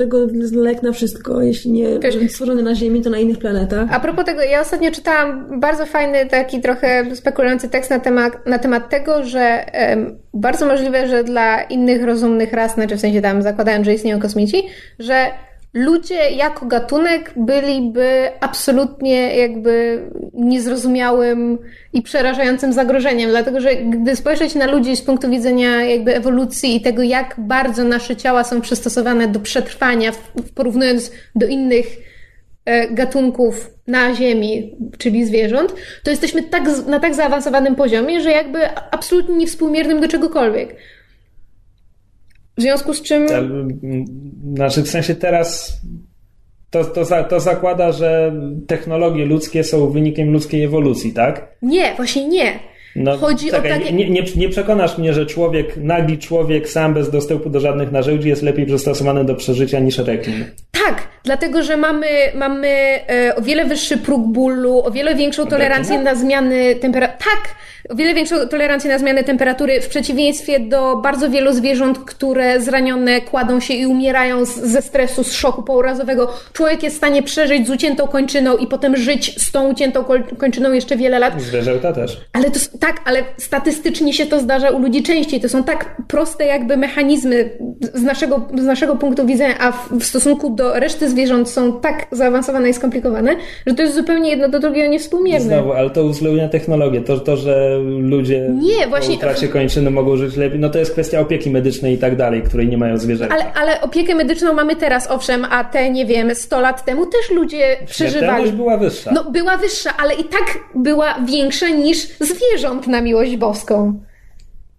Ale jeśli weźmiesz człowieka i upuścisz go na środku oceanu, to rekin ma przewagę. Ale to nie jest kwestia środowiska, tylko Wiem. ogólnie. Widzisz? Czepia się mnie. No właśnie, da, Słyszysz? daję, daję wam y, pole do popisu, bo Ale wracając, bo nie o tym chciałam. E, jakby I w tym tekście było zaznaczone, że ludzie są też ciekawym gatunkiem z, z tego punktu widzenia, że doprowadziliśmy drogą ewolucji swoje organizmy i poprzez technologię do takiego momentu, w którym jesteśmy tak długowieczni, że jedyny powód, dla którego umieramy, jest to, że nasze ciała już po prostu nie są w stanie wydolić. Więc moment, w którym nauczymy się przedłużać jakby możliwość przetrwania naszego organizmu i tego, że nam, prawda, komórki nie umierają bezpowrotnie, no to jesteśmy już, prawda, to jest ostatnia prosta. Więc gdy wziąć pod uwagę, że znaczy, oczywiście to jest ogromny krok, to one, one small step for mankind. Nie, one giant step for mankind. Czekaj, jak to było? one giant leap for man. One small leap. step for man, one giant leap for man. O, widzisz. A jest, jest sci-fi, to ona wie. No nie, nie sci-fi, po prostu oglądałam na potęgę, so, so, o, słuchałam na potęgę soundtracku z Apollo 13. A, no to wszystko tłumaczę. W każdym razie to jest jakby i, ide, i, jako idea przeskoczenie tego, że nasze komórki obumierają bezpowrotnie i jak tylko nauczymy się je replikować, to, to właściwie we're home, to już koniec i, i, i dalej nie trzeba się martwić, to biorąc Chyba, to pod uwagę... planety. to, to, to, wiesz, to masowe, ma, masowe morderstwa, co to za problem? We've done it before. Ale biorąc to pod uwagę, to jakby, wiesz, długowieczność postaci w Star Treku to mnie w ogóle nie dziwi, no właśnie na tej zasadzie, że po prostu oni jeszcze, je- jeszcze bardziej, znaczy, że oni jeszcze lepiej niż my nauczyli się właśnie prze, przesuwać te granice jeszcze te tam kilkanaście, kilkadziesiąt lat dalej. Wiesz, kiedyś ludzie umierali po 30, teraz umierają po 80, 90. statystycznie, a po 90 to już jest, wiesz, dobra Zależy sytuacja. od miejsca zamieszkania. To jest już, wiesz, procent, procenty, wchodzisz w taką, Tak. are, w taką, w taki teren. No, em, ale skoro, skoro już dyskutujemy o takich właśnie em, scenariuszach nie- niedalekiej przyszłości i tego, tego, jak się może technologia rozwinąć i jak to wygląda w popkulturze, t- tak mi się bardzo silnie skojarzyło a propos tego, co wspominałeś o, o tym, jak w, e, kiedyś, znaczy jak, jak starsi autorzy e, pokazują właśnie jakby interfejs internetu, w sensie, że, wiesz, że ludzie mają swoje awatary i tak dalej. I a propos odniesień popkulturowych, e, bo nie jest... Mów, że, nie mów, że zmierzasz do Ready Player Oczywiście, że zmieniam do Ready Player One, co jest o tyle kłopotliwe, że AS nie cierpi tej książki, a ja ją kocham. A ja nie czytałem, więc A ty nie czytałeś. reprezentujemy wszystkie opcje. To nie jest tak, że ja nie cierpię tej książki. Ja, Finał, ja finał. mniej więcej bardzo doceniam to, co ten koleś chciał, Ernest Klein, to, co chciał dokonać. Bardzo mi się podoba e, sposób, w jaki on zbudował, w sensie przekazał ten świat po prostu. On go naprawdę fantastycznie zrealizował i Mhm. ja byłam zachwycona tymi właśnie referencjami, czyli odniesieniami. Oczywiście nie mówię po, po polsku, bo, E, bo nie to, to umiem. spokojnie, tutaj ja Em, jestem psuj. odniesieniami do popkultury, e, właśnie pomysłowością i ja byłam przekonana, po prostu jak, czy, jak, czytając opisy, kiedy bohater Wally? Wa- Wa- Wade, Wade. e, przebywał w Oasis, ja po prostu ja też tam chciałam, ja po prostu chciałam robić to, co on robi, po prostu tak właśnie, to było moje, właśnie to był mój, mój, może, mój świat. Może zaznaczmy, bo Krzysiek nie czytał, część słuchaczy też Okej. mogła nie czytać, że właśnie jakby em, ponieważ ta książka jest przesycona nostalgią do lat 80., tylko że w przeciwieństwie do, do Krainy Baśni, tu jest to jakby uzasadnione. To Fabularne. znaczy mamy bardzo duży, e, ba, bardzo ważny, duży, fabularny powód, dla którego wszyscy są, te, wszyscy mają tak obsesyjne podejście do jakby popkultury i klimatu lat 80.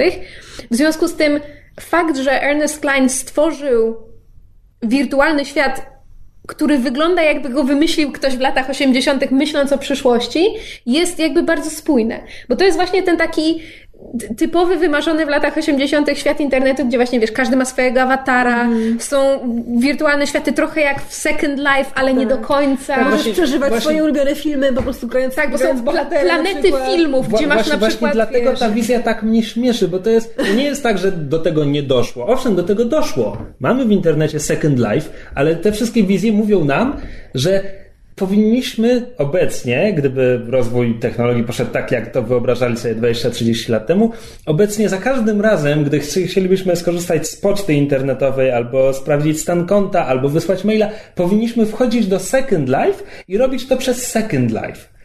I to jest. No tak, ale to jest mniej więcej na takiej samej zasadzie, jak w tym momencie, że żeby sprawdzić pocztę, musisz otworzyć, nie wiem, Chroma, Firefoxa czy Internet Explorera, daj Panie Boże, Tak, albo Operę. To jest ten sam mechanizm, ten tylko po prostu... był interfejsem takim. Znaczy, to jest kwestia powszechności. W momencie, gdybyśmy teraz obecnie nagle na przykład, nie wiem, pojawiła się jakaś super wymyślna przeglądarka. Zresztą widać to przy nowych social media, które się pojawiają i nagle bardzo szybko, niczym, nie- niemalże wiralowo e, osiągają jakąś straszną popularność, tak jak było, nie wiem, Wiralne. z Vine'em. Jeśli próbujesz po polsku, wiralnie. No to nie wiedziałam. Um, takie jak, nie wiem, na przykład Snapchat, czy Vine, czy Periscope, które teraz rzeczywiście są wszędzie, znaczy przynajmniej takie można odnieść wrażenie. I na tej samej zasadzie, gdyby po prostu pojawił się nowy sposób obcowania z internetem, który z, jakiegoś powodu staje się powszechniejszy, bo właśnie daje nam rzeczy, których nie mieliśmy ze starym systemem, to dla mnie wcale nie jest dziwne, że moglibyśmy rzeczywiście dojść do takiego etapu, gdzie po prostu zakładasz wirtualne okulary i w ten sposób sprawdzasz pocztę, czy nie wiem, pogodę, czy cokolwiek. Zwłaszcza gdyby to miało być, nie wiem, tak jak są czasami takie, prawda, futurystyczne um, przedstawienia, że, prawda, wszyscy mają na przykład, nie wiem, jakieś takie k- miniaturowe komputery, klipsy w uchu, które, prawda, jak tam klikniesz, to ci się wizjer taki ch- jakiś halogenowy pojawia, czy coś takiego, nie wiem, jak to hologramowy. Google Glass. Google Glass, tak, dokładnie, Google Glass ci się pojawia i, i w ten sposób jakby wchodzisz do tego wirtualnego świata. Jak się nad tym zastanowić, to my wcale nie jesteśmy tak daleko. Nie, nie jesteśmy tak daleko. Chodzi tylko o ten dodatkowy krok, który ci mówi. No wiesz, no cyberprzestrzeń wirtualna, musisz mknąć swoją czerwoną korwetą po autostradzie danych, żeby Ale właśnie widzisz, w- wyrzucić spam ze skrzynki. Ready Player One to działa, bo też właśnie mamy powiedziane, że tam Tak. Wade sprawdza pocztę, Tak, tylko widzisz, tak. tam jest to na przykład zrobione tak, że to się stał tak powszechny system, że na przykład do, do Oasis, do tego świata wirtualnego przeniesiono na przykład szkolnictwo. Tak, szko- nie chodzisz do szkoły. Tylko fizycznie, zakładasz tylko wizjer zakładasz okulary i i idziesz masz... do szkoły w Oasis. I tam masz dostęp do bibliotek, do baz danych, do wszystkiego. Urzędów chyba też. Tak. Wszystko się po prostu załatwia przez Ludzie Oasis. chodzą do pracy, logując się do Oasis. Tak, po prostu życie stało się pamiętam- interfejsem. Któraś amerykańska telewizja miała studio w Second Life przez moment. Jezu, było A coś z, takiego. kolei, a z kolei brytyjski komik Jimmy Carr e, miał kiedyś występ w Second Life. Dookoła skakali ludzie z penisami czy coś takiego. Właśnie ja, jeśli chodzi o Second Life, ostatnio e, oglądałam em, taki serial dokumentalny HBO, się nazywa Sex On, o właśnie jakby o seksie w, we współczesnym świecie i różnych jego odmianach. Czytałem rewelacyjny reportaż o seksie w Second Life. No i właśnie tam był segment a propos seksu w Second Life. O mój trzeba Boże! sobie kupić odpowiednie genitalia, trzeba, tak. z- zwłaszcza trzeba kupić takie, które będą modelowane, w sensie nie będą ciągle w jednej pozycji, tylko na przykład e, cyfrowy penis, który może ze zwisu przejść do wzwodu i z powrotem. I może Potem- być w różnych kolorach i Widzisz, fakturach. e, O, wszystko trzeba, mój trzeba drogi. go, trzeba go kliknąć i odhaczyć opcję, żeby inni gracze mogli wchodzić swoim penisem w interakcję, bo inaczej nic się nie stanie. Naprawdę, to jest po prostu, to jest, czego to ludzie nie wymyślą. No. Więc tak, zgaduję, że jest promil ludzkości, który nie miałby problemu ze wskoczeniem do swojej czerwonej korwety, by pomknąć autostradą danych, by sprawdzić skrzynkę pocztową. Zresztą- I to są ludzie, którzy już grają w Second Life. Ale a propos Second Life i a propos właśnie tego, jest jeszcze film, e, zresztą ja go bardzo lubię, Gamer. E, W którym też jest bardzo, tak, w którym też jest bardzo podobna koncepcja. To znaczy, to co mi się w tym podobało, bo jakby film opowiada o, o, o, o grze komputerowej, natomiast prawda, tytułowy gamer, jakby to się do tego odnosi. Natomiast wiemy też i jest pokazane, że właśnie tam są też światy wirtualne, które funkcjonują trochę tak jak Second Life. I właśnie też jest aspekt seksu. No, zresztą to jest moim zdaniem bardzo fajny film, jeśli się interesujecie takimi właśnie futurystycznymi, futurologicznymi, jakby tego nie nazwać, e, tematami. Gamer jest bardzo fajnym filmem, a poza tym jest tam jedna absolutnie genialna scena w finale, dla niej chociażby warto obejrzeć. Masz na myśli tęczenie? Tak, tak, mam na myśli um, I've got you under my skin, Yeah. tak. To jest jedna z najlepszych scen, jakie widziałam Ale ostatnimi laty. kojarzy mi się jeszcze jeden film, tylko nie pamiętam jego tytułu. To jest film z Bruce'em Willisem, kiedy miał włosy. Gdzie miał włosy. Zawęża krąg podejrzany. Ale nie pamiętam, Boże, co to Um, było. Jezu, ja wiem. Z Radą Mitchell bodajże jeszcze S- i e, Rosalind. e, Surogaci? Tak, o właśnie. Surogaci. Tam też się ludzie przecież logowali do... Znaczy w sensie nie, oni tam mieli... No nie, Ta- Tam ale jest tam to co jest- innego. ciała, tak, tak, okej. tak, że, że Fizyczne awatary, Tak. które za nich chodziły po, po świecie, tak. No. Zacząłem to kiedyś oglądać. To nie jest dobry film. Znaczy pomysł ma fajny, ale fabuła tam się trochę... Coś się, coś się po niej... Mówimy to tak, nie skończyłem go nigdy No oglądać. właśnie. Ale jeszcze skoro już przeszliśmy przez Sex w Second Life, to e, można, można to cofnąć. Przechodzimy do seksu w realu? Nie, Krzysztofie. Ja zapomniałam, że Kamil to będzie montował. Cześć kotku! E, bo można wrócić do Star Treka, gdzie oczywiście od- Next Generation była technologia holodeków, czyli pomieszczenia, gdzie ci się hologramy wirtualne rzeczywistości tworzą i co drugi odcinek polega na tym, że holodek się psuje i coś niebezpiecznego z niego wychodzi. E, Ale tam co chwila są jakieś wcale niesubtelne mrugnięcia okiem do erotycznych programów, które są dostępne w holodeku. Może niekoniecznie na pokładzie Enterprise'a, ale kiedy akcja, znaczy w innym serialu, kiedy mamy stację kosmiczną Deep Space Nine i tam holodekiem zarządza ten, no... E, Quark, tak, czyli, czyli kosmici z wielkimi uszami ze Star Treka. Ferengi. Ferengi, tak. Ferengi spod ciemnej gwiazdy. To on w każdym odcinku proponuje komuś e, tego typu programy. Keeping, Star, Trek Keeping It Real. No tak, no Deep Space Nine to była ta seria, która była mroczna i gritty i w ogóle. Czekajcie, bo jeszcze z takich przykładów to, to jeden z moich ulubionych, ale to jest totalnie po, pokićkany film i to trzeba naprawdę się w niego wciągnąć. Existence. O, rany boskie, ja to pamię pamiętam, że to, To jest oglądałam. Cronenberg? Tak. I pamiętam z niego bardzo wybiórczo. Oczywiście pamiętam jedną kluczową scenę, ale... Ja, ja pamiętam z niego bardzo, bardzo wiele, ale to są dosłownie, to nawet nie są sceny, to są migawki, po prostu takie psychodeliczne ujęcia, bo ten film, jak na Cronenberga przystało, ostro trzepie czachę, ale jest, jest fantastyczny. To znaczy, jeżeli, jeżeli nie widzieliście y, Existence, to, to bardzo polecam. Ja kiedyś trafiłam na niego w telewizji, trafiłam bez pierwszych 10 albo 15 minut, co jak się okazuje, biorąc pod uwagę finał, było dość istotne, bo chyba zaczęłam film od momentu, kiedy oni już byli w tej rzeczywistości i potem jak z niej wychodzili, bo tam są takie sceny, kiedy oni przerywają i tam się dzieją, dzieją różne rzeczy, to, to, to kompletnie nie wiedziałam, co się dzieje, bo, bo minęło mnie pierwsze, pierwsze ileś tam minut filmu. Oglądałaś niebezpieczną metodę? W sensie to Czego? w Freudzie? No. Nie, Nie, bo, bo wszyscy mi odradzali. no, bo, bo powiedziałeś, że to film Cronenberga, więc jak na Cronenberga przy, przystało trzepie czachy, niebezpieczna metoda jest tak spektakularnie nudnym filmem. Ma tak dobrą obsadę, tak fajny temat i jest tak nudna. Każdy mnie, wiesz, każdy dobry reżyser miewa ten, bywa w gorszej formie. No tak, no tak. Natomiast jeśli chodzi o takie, bo tak wspominałeś, że się zastanawiasz nad tym, czy lepsze jest takie, em, rzeczywiście taki bardzo duży skok. Znaczy, nawet nie chodzi mi o pytanie lepsze, bo to trudno coś wskazać. Nie, ale tak mówisz, Raczej- że raczej- sam się zastanawiasz nad tym, co, Tak, raczej- która opcja by była w tym wy- wypadku Krainy Baśni, czy gdyby to było lepiej Znaczy, Mniej nachalnie poprowadzone. Gdyby, znaczy, to nie chodzi o mniej nachalne poprowadzenie, to chodzi autentycznie o redakcję i przepisanie tego tak, żeby tam nie było wzmianki o pięciu pciach, która nie ma sensu. Że po prostu w ramach się całej powieści, kupy. tak. No nie, bo Tak, po prostu o, o, przepisanie tak lepiej. E, Nie, nie formułuję tego pytania jako co jest lepsze, bo wydaje mi się, że nie ma sposobu, by wskazać, że to jest lepsze, bo powody. Chciałem raczej zapytać, co wolicie? No Właśnie, bo tak jakby do, do tego trochę zmierzam, bo um, kiedy, kiedy rzuciłeś hasło, że może byśmy w tym odcinku porozmawiali właśnie na, na, na ten temat, to zaczęłam się zastanawiać. Pierwszą myślą, którą mi przyszło do głowy, było właśnie, czy są takie przykłady właśnie tak, tak zwanego near future w popkulturze, które do mnie bardzo przemówiły i które bardzo mi się spodobały. I wymyśliłam dwa, z czego jeden jest niekompletny, dlatego że dotyczy serialu, który się nie skończył, to znaczy, który został ucięty po pierwszym sezonie. O. Almost Human. Ja wiem, że bardzo wiele osób e, nie oglądała tego serialu, między innymi dlatego został zdjęty z anteny i wiele osób... Ile? Osiem odcinków? 12? Nie, chyba, chyba Oczywiście w złej kolejności, bo to się wtedy bo Fox, okazało, że, bo Fox, że Fox. Bo Fox. Ja, o, Sfoxował. Znaczy, ja się zorientowałam na trzecim albo czwartym odcinku, kiedy, kiedy bo, bo było tak, że w pierwszym odcinku ci...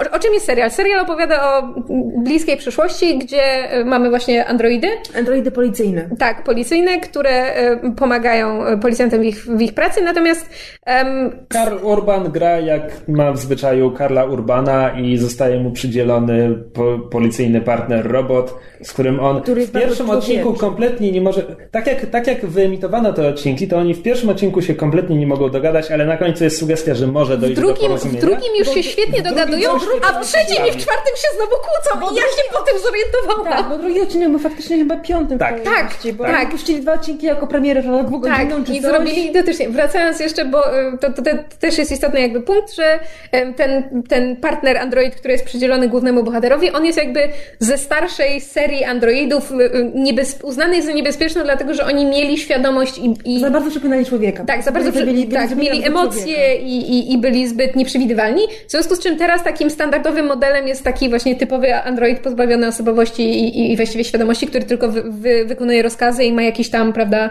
system, system komend, które wykonuje.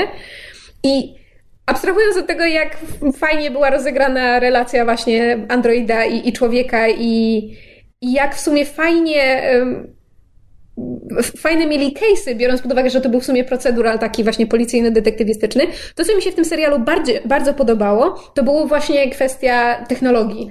I właśnie, i on jakby nazywało świetnego smaczku faktycznym śledztwom i tym kryminalnym Tak, procedurom. że oni, że, że to nie jest tak, że oni stwierdzili, że na przykład, że wiesz, że u, tutaj by fajnie było wrzucić na przykład teleport albo hologram, tylko wrzucają rzeczy, które albo, znaczy e, wrzucają technologiczne usprawnienia do pracy policyjnej, które mają sens w kontekście tego świata i rzeczywiście polepszenia pracy policjantów. I z drugiej strony kryminalistom dają też fajne zabawki, którym oni mogą e, Tak, po- dokładnie. zatrzeć ślady i tak dalej. Ja bym się upierał, że jednak były, były momenty, gdy w tym serialu przesadzali. Nie, ale oczywiście, ale jakby Konk- bardzo konkretnie chodzi mi o, od- o odcinek, gdzie ktoś zabija przy pomocy samonaprowadzających się pocisków snajperskich. Bo to jest, to jest broń, która jakby, gdyby No kryminaliści mieli do niej dostęp, no to nikt nie byłby bezpieczny, już nigdy. Znaczy, słuchaj, ja, ja obejrzałam Almost Human ciągiem, kiedy, kiedy wyszło, znaczy w sensie oglądałam regularnie, kiedy miał premierę i potem serial się skończył. Ja do niego nie wróciłam, natomiast wspomnienie z niego, które mam, i to jest wspomnienie takie bardziej ogólne, a nie konkretnych odcinków, bo to, że w tym serialu na pewno były głupoty, absolutnie jestem to w stanie zagwarantować, mimo że nie pamiętam, bo po prostu jeżeli serial właśnie dziejący się w przyszłości trwa odpowiednio długo, zawsze się znajdzie jakaś głupota, jasne. zawsze się znajdzie jakaś przesada. A poza tym to była produkcja Fox, więc wiadomo było, że na pewno będzie coś nie tak. Natomiast wspomnienie z, z tego serialu mam tak miłe, ale właśnie nie jest związane tylko z tym, że się bardzo przywiązałam do bohaterów i uważam, że byli fantastycznie odegrani, No, jakby chemia między nimi. ale świat. świat, właśnie ten Dla world building był fantastycznie zrobiony. Bardzo fajnym gadżetem z tamtego serialu, który jednocześnie w pigułce pokazuje ci poziom zaawansowania technologicznego tego świata, to jest to, że bohater grany przez Karla Urbana nie ma, nie ma nogi, ma znakomitą, nieodróżnialną od ludzkiej protezę, która zastępuje mu nogę kompletnie idealnie i w ogóle nigdy, nigdy byś nie pomyślała, że tej nogi nie ma. I na noc musi ją wstawiać do ładowarki. Tak. I to jest, jest bardzo ładnie pokazuje jakby... Tak, i czasami akumulator szwankuje. Były chyba jakieś takie sceny, że, że coś tam akumulator się zepsuł, no, No, ona się nie chciała jest takie- załadować do końca, czy coś takiego. No, ale właśnie takie. Trochę banalniejsze. Ale takie tak. jakby w, pamiętali o tym. To nie jest tak, że on ma, wiesz, on ma cyfrową tam mechaniczną nogę i wszystko jest cacy. Nie, są właśnie takie Tak sobie myślę, konsekwencje. Ja- że w tych wizjach, kiedy mówimy o bliskiej przyszłości, e, bardzo dużo zależy od tego. Ja to... Jaką datę nam podadzą? Tak, ja bym to nazwał wręcz buforem bezpieczeństwa, to znaczy jak bardzo to jest bliska przyszłość. I myślę tutaj konkretnie o grach Deus Ex, które w podcaście powracały 150 razy, bo je uwielbiamy z Kamilem. Rzecz w tym, że pierwszy Deus Ex, gra z 2000 roku, pokazywał rzeczywistość Po świecie szaleje, szaleje plaga, tylko bogatych stać na regularnie, żeby się przed nią zabezpieczać lekarstwami. Biedni e, dostają tyle, ile żołdy im wydadzą, więc giną masowo. E, Szerzą się teorie spiskowe, że żołd tam spreparował tę plagę i że teraz zarządza społeczeństwem przy pomocy właśnie tego dystrybuowania tego leku. No widzisz, da sobie, Potem- można radzić sobie z przeludnieniem. E, Potem, potem tych konspiracji tam jest jeszcze więcej, tajnych organizacji jest chyba z pięć i w ogóle to się robi strasznie śmieszne po trzecim zwrocie akcji. Natomiast e, rozwój technologiczny był taki, że tam byłby, byli cyborgi, cyborgowie? Były cyborgi. Były cyborgi.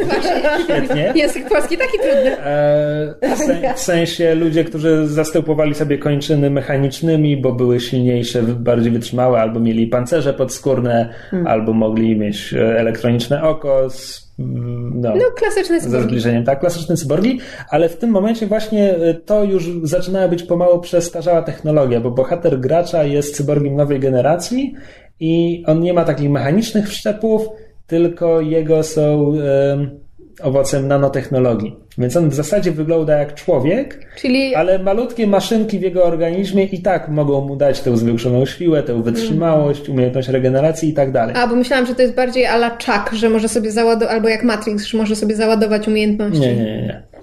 A Swoją drogą Chuck był w, fajny. każdym, w każdym razie i akcja tej pierwszej części, nie jestem stuprocentowo pewien, ale wydaje mi się, że to był rok 2040 któryś, chyba tak. A teraz 3 czy 4 lata temu powstała gra Deus Ex Human Revolution, która jest prequelem, znakomitą grą samą w sobie i prezentuje, ponieważ jest prequelem, to prezentuje właśnie świat, kiedy to, to, to y, nie, jest, jest prequelem, czyli No właśnie właśnie, ta, to te, jeszcze nie było, tak? tak, czyli właśnie te wszczepy pierwszej generacji, te mechaniczne, to jest teraz ten, ta rewolucja, która się dokonuje, że coraz większy procent ludzkości załatwia sobie te wszczepy. To było fajnie pokazane, bo było, było powiedziane, że na przykład tam jest bardzo dużo informacji jest przekazanych w tle. Nie jest częścią głównej fabuły, ale możesz podsłuchać rozmowy na ten temat albo coś poczytać więcej, więc tam są informacje na przykład, wiesz, że ktoś, ktoś, pracodawca na niego naciska, żeby on sobie załatwił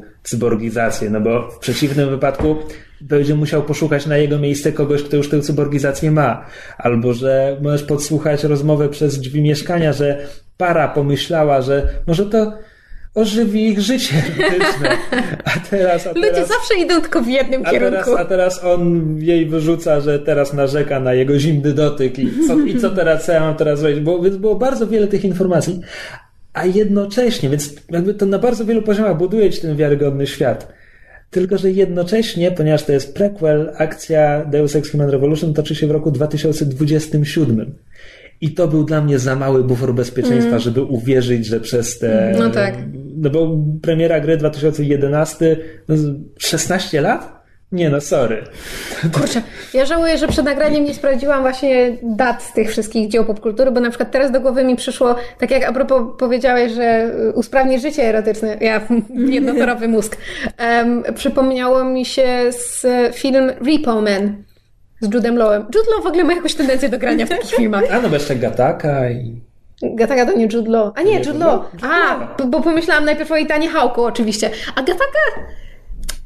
Gataka była w sumie fajnie zrobiona, dlatego że tamtej Gataka jest technologii w sumie niewiele.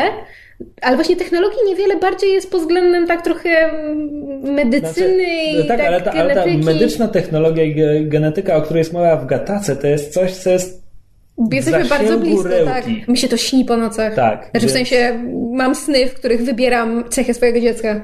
Gataka jakoś dziwnie wpłynęła na moją psychikę. Myślałem, myślałem, że śni ci się, że twoi rodzice wybierają twoje cechy. Jeżeli tak, to wybrali beznadziejnie. I'm kidding. I love my W parents. rzeczy... W... No, nieważne. Um, w każdym razie wracając do Repo Man, b- skojarzyło mi się, bo jakby w Repo Man mamy em, właśnie jakby elementy cyborgizacji, to znaczy, że można sobie i, i przedłużania życia, tego co mówiliśmy, że jakby ludzkie organizmy, prawda, wysiadają w pewnym momencie, nie, nie są w stanie wydolić. I tutaj rzeczywiście w Repo Man mamy coś takiego, no bo można, prawda, jak ci szwankuje tam, nie wiem, serce, wątroba, organy, to możesz sobie wy, wymienić na tam cybermechaniczny czy cyberelektroniczny, nieważne jak oni to nazywają, nano, coś tam. W każdym razie na, na, na, na mechaniczny organ, tylko że problem polega na tym, że musisz e, płacić właśnie abonament, że to nie jest tak, że płacisz raz, tylko płacisz abonament i w momencie, kiedy nie możesz em, spłacić e, swojego długu i, i, i uro, urośnie ci dług, to przychodzą właśnie, e, jak to po polsku jest? Nie poborca podatków, tylko Egzekutor. egzekutor długów po prostu? Komornik. Komornik. Przychodzi komornik z firmy, właśnie tytułowi Repo Man i wycina ci ten organ. Czyli co, masz sztuczną nerkę, która ci podtrzymuje życie i wytną ci... Nie, ale wyobraź sobie, że na przykład, nie wiem, dostałaś, mia- miałaś rozległy zawał serca i w tym świecie właśnie nie, znaczy nie, nie, pamiętam, czy jest powiedziane, czy w tym świecie nadal jest uprawiane normalne, y, jakby normalna operacja organów w sensie ludzkich, czy, czy czekasz na, na, możesz poczekać na dawcę ludzkiego, czy jedyny wybór, jaki masz, to jest wykupić ten, ten, ten mechaniczny organ. Natomiast w momencie, kiedy nie jesteś w stanie już spłacać tego abonamentu, to przychodzi taki repoman do ciebie do domu. Jak komornik wchodzi bez pukania, ma prawo zrobić z tobą wszystko, bo jakby prawo jest po jego stronie, on odzyskuje dług dla firmy, która jakby przejęła ekonomię w takim stopniu, że nikt im nic nie może zrobić um, usypia cię, wycina ci serce i zostawia trupa. I, I on ma pełne prawo to zrobić. I to jest pod tym względem naprawdę upiorny film, natomiast jest, recenzje były różne, mnie się ten film bardzo podoba i skojarzy mi się dlatego, że tam um, Oczywiście jest całe podziemie ludzi, którzy, którzy nie mogli spłacić tych organów i uciekają przed tymi repomen, bo te organy są im potrzebne do życia, prawda, bo bez serca trudno żyć, ha, ha, ha. Mhm. Natomiast jest też wspomniane w kilku miejscach, że można właśnie sobie kupić jakby wszczep, znaczy tam wszczepy, czy jak to nie nazwać, organów właśnie jakby genitaliów. I na przykład jest jedna przedziwna scena, w której dziewczyna podrywa głównego bohatera i właśnie na zasadzie, że, że wiesz, mam e, coś tam e, cyberelektroniczną pochwę, która zmienia kolory i błyszczy, a ja takie, co? Coś, it sparkles, a ja takie, nie, nie, nie, nie, nie, nie, nie, zmienia kolory? Co? Więc e, a propos tego, czego to ludzie nie wymyślą. Natomiast słuchajcie, jest to o tyle fajny film, że ma fantastyczną ścieżkę dźwiękową. Jedną z lepszych, jakie widziałam w, w filmach w ogóle, nie tylko takich sci-fi. A myśli muzykę czy y, kawałki? Kawałki. Dlatego, że to jest film, który się dzieje, tylko właśnie kurczę, nie, nie, nie pamiętam ile lat w przyszłości, nie sprawdziłam tego, nie mam pod ręką telefonu. A muzyka jest z kolei taka taka trochę jazz, big band, swing, lounge music, takie ni to lata 60., ni to nawet 40 momentami. I to jest tak fajne. O Jezu, zapomniałam po polsku, juxtaposition. Przeciwstawienie? No, chyba? Chyba tak. E, tak fajnie to wypada. I a propos tej sceny z, z tańcem z gamera, o której wspominałyśmy wcześniej, na, e, pod koniec Repo Man jest fenomenalna scena z piosenką um, że mnie skłamała Sing It Back, Moloko. Mhm. Słuchajcie, dla tej jednej sceny warto ten film obejrzeć, bo jest po prostu, ja mam ciary, jak tylko o niej pomyślę. Więc to tak a propos futurystycznych e, klimatów. Chyba widziałem finał tego filmu w motelu w Ameryce. Wiesz co, bo jest, jest jest finał. To jest Emily Blunt? Czy... Chyba nie. nie. Nie, Emily Blunt to jest Edge of Tomorrow, to z Tomem Cruise'em, co on się odradza. Nie widziałem ani kawałka. A jaka jest aktorka w Ripomanie? Z kim mogłem pomylić Emily Blunt? Wiesz co, ja nie chcę powiedzieć Michelle Rodriguez, ale jakaś latynoska. W sensie... Ale to nie ona jest no, nie masz, dobra, na wpół zapomniana znaczy, Może tam scena. była Emily Blunt, ale ja w tym momencie nie pamiętam. Widziałam film kawałek czasu temu, natomiast e, teraz mi się przypomniał, muszę z niego rzeczywiście zrobić powtórkę. Um, czy ktoś chce coś powiedzieć? Bo ja już dość długo gadam. Ja w sumie mam jeszcze temat a propos wizji przyszłości i chcę go później...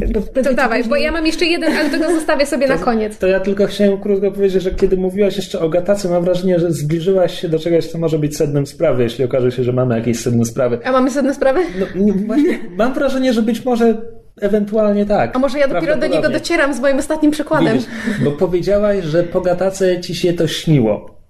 I to jest właśnie, wydaje mi się, klucz sprawy, że wizja przyszłości, która próbuje cię przekonać, że może być realna, jeśli jest zrobiona dobrze, mhm. może cię przekonać, że może być realna. Tak jak, tak jak wizja przyszłości, która nie przejmuje się realizmem i mówi ci, nie myśl o tym, ma być fajnie, jakby nigdy nie będzie miała szans. Mm, ja jeszcze do tego te, nawiążę te za moment. realistyczne po prostu mogą wpaść w mnóstwo pułapek i kraina baśni wpada w nie wszystkie.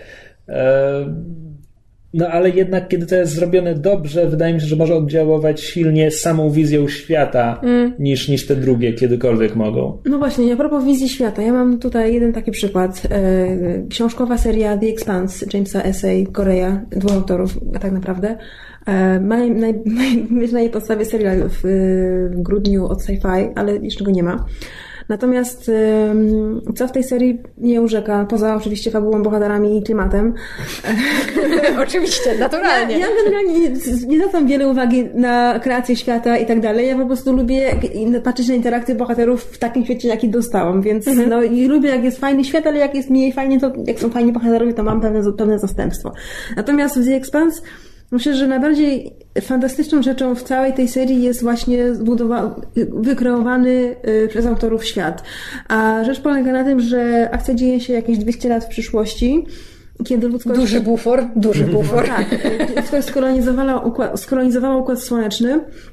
Mogą, y, nie mogą, znaczy nie mają dostępu nie mają dostępu do gwiazd i innych galaktyk, ale mogą podróżować w swoim układzie pomiędzy planetami. Podróże trwają miesiące, tygodnie, i lata. To, to na takie, takie, właśnie, takie są prędkości. Natomiast y, ludzie stworzy, utworzyli sobie kolonie, oczywiście w tym układzie słonecznym. Pierwsza była na Marsie, y, a później zaczęli drążyć w asteroidach. I tam drążyli oczywiście no, miejsca mieszkalne, y, stacje kosmiczne.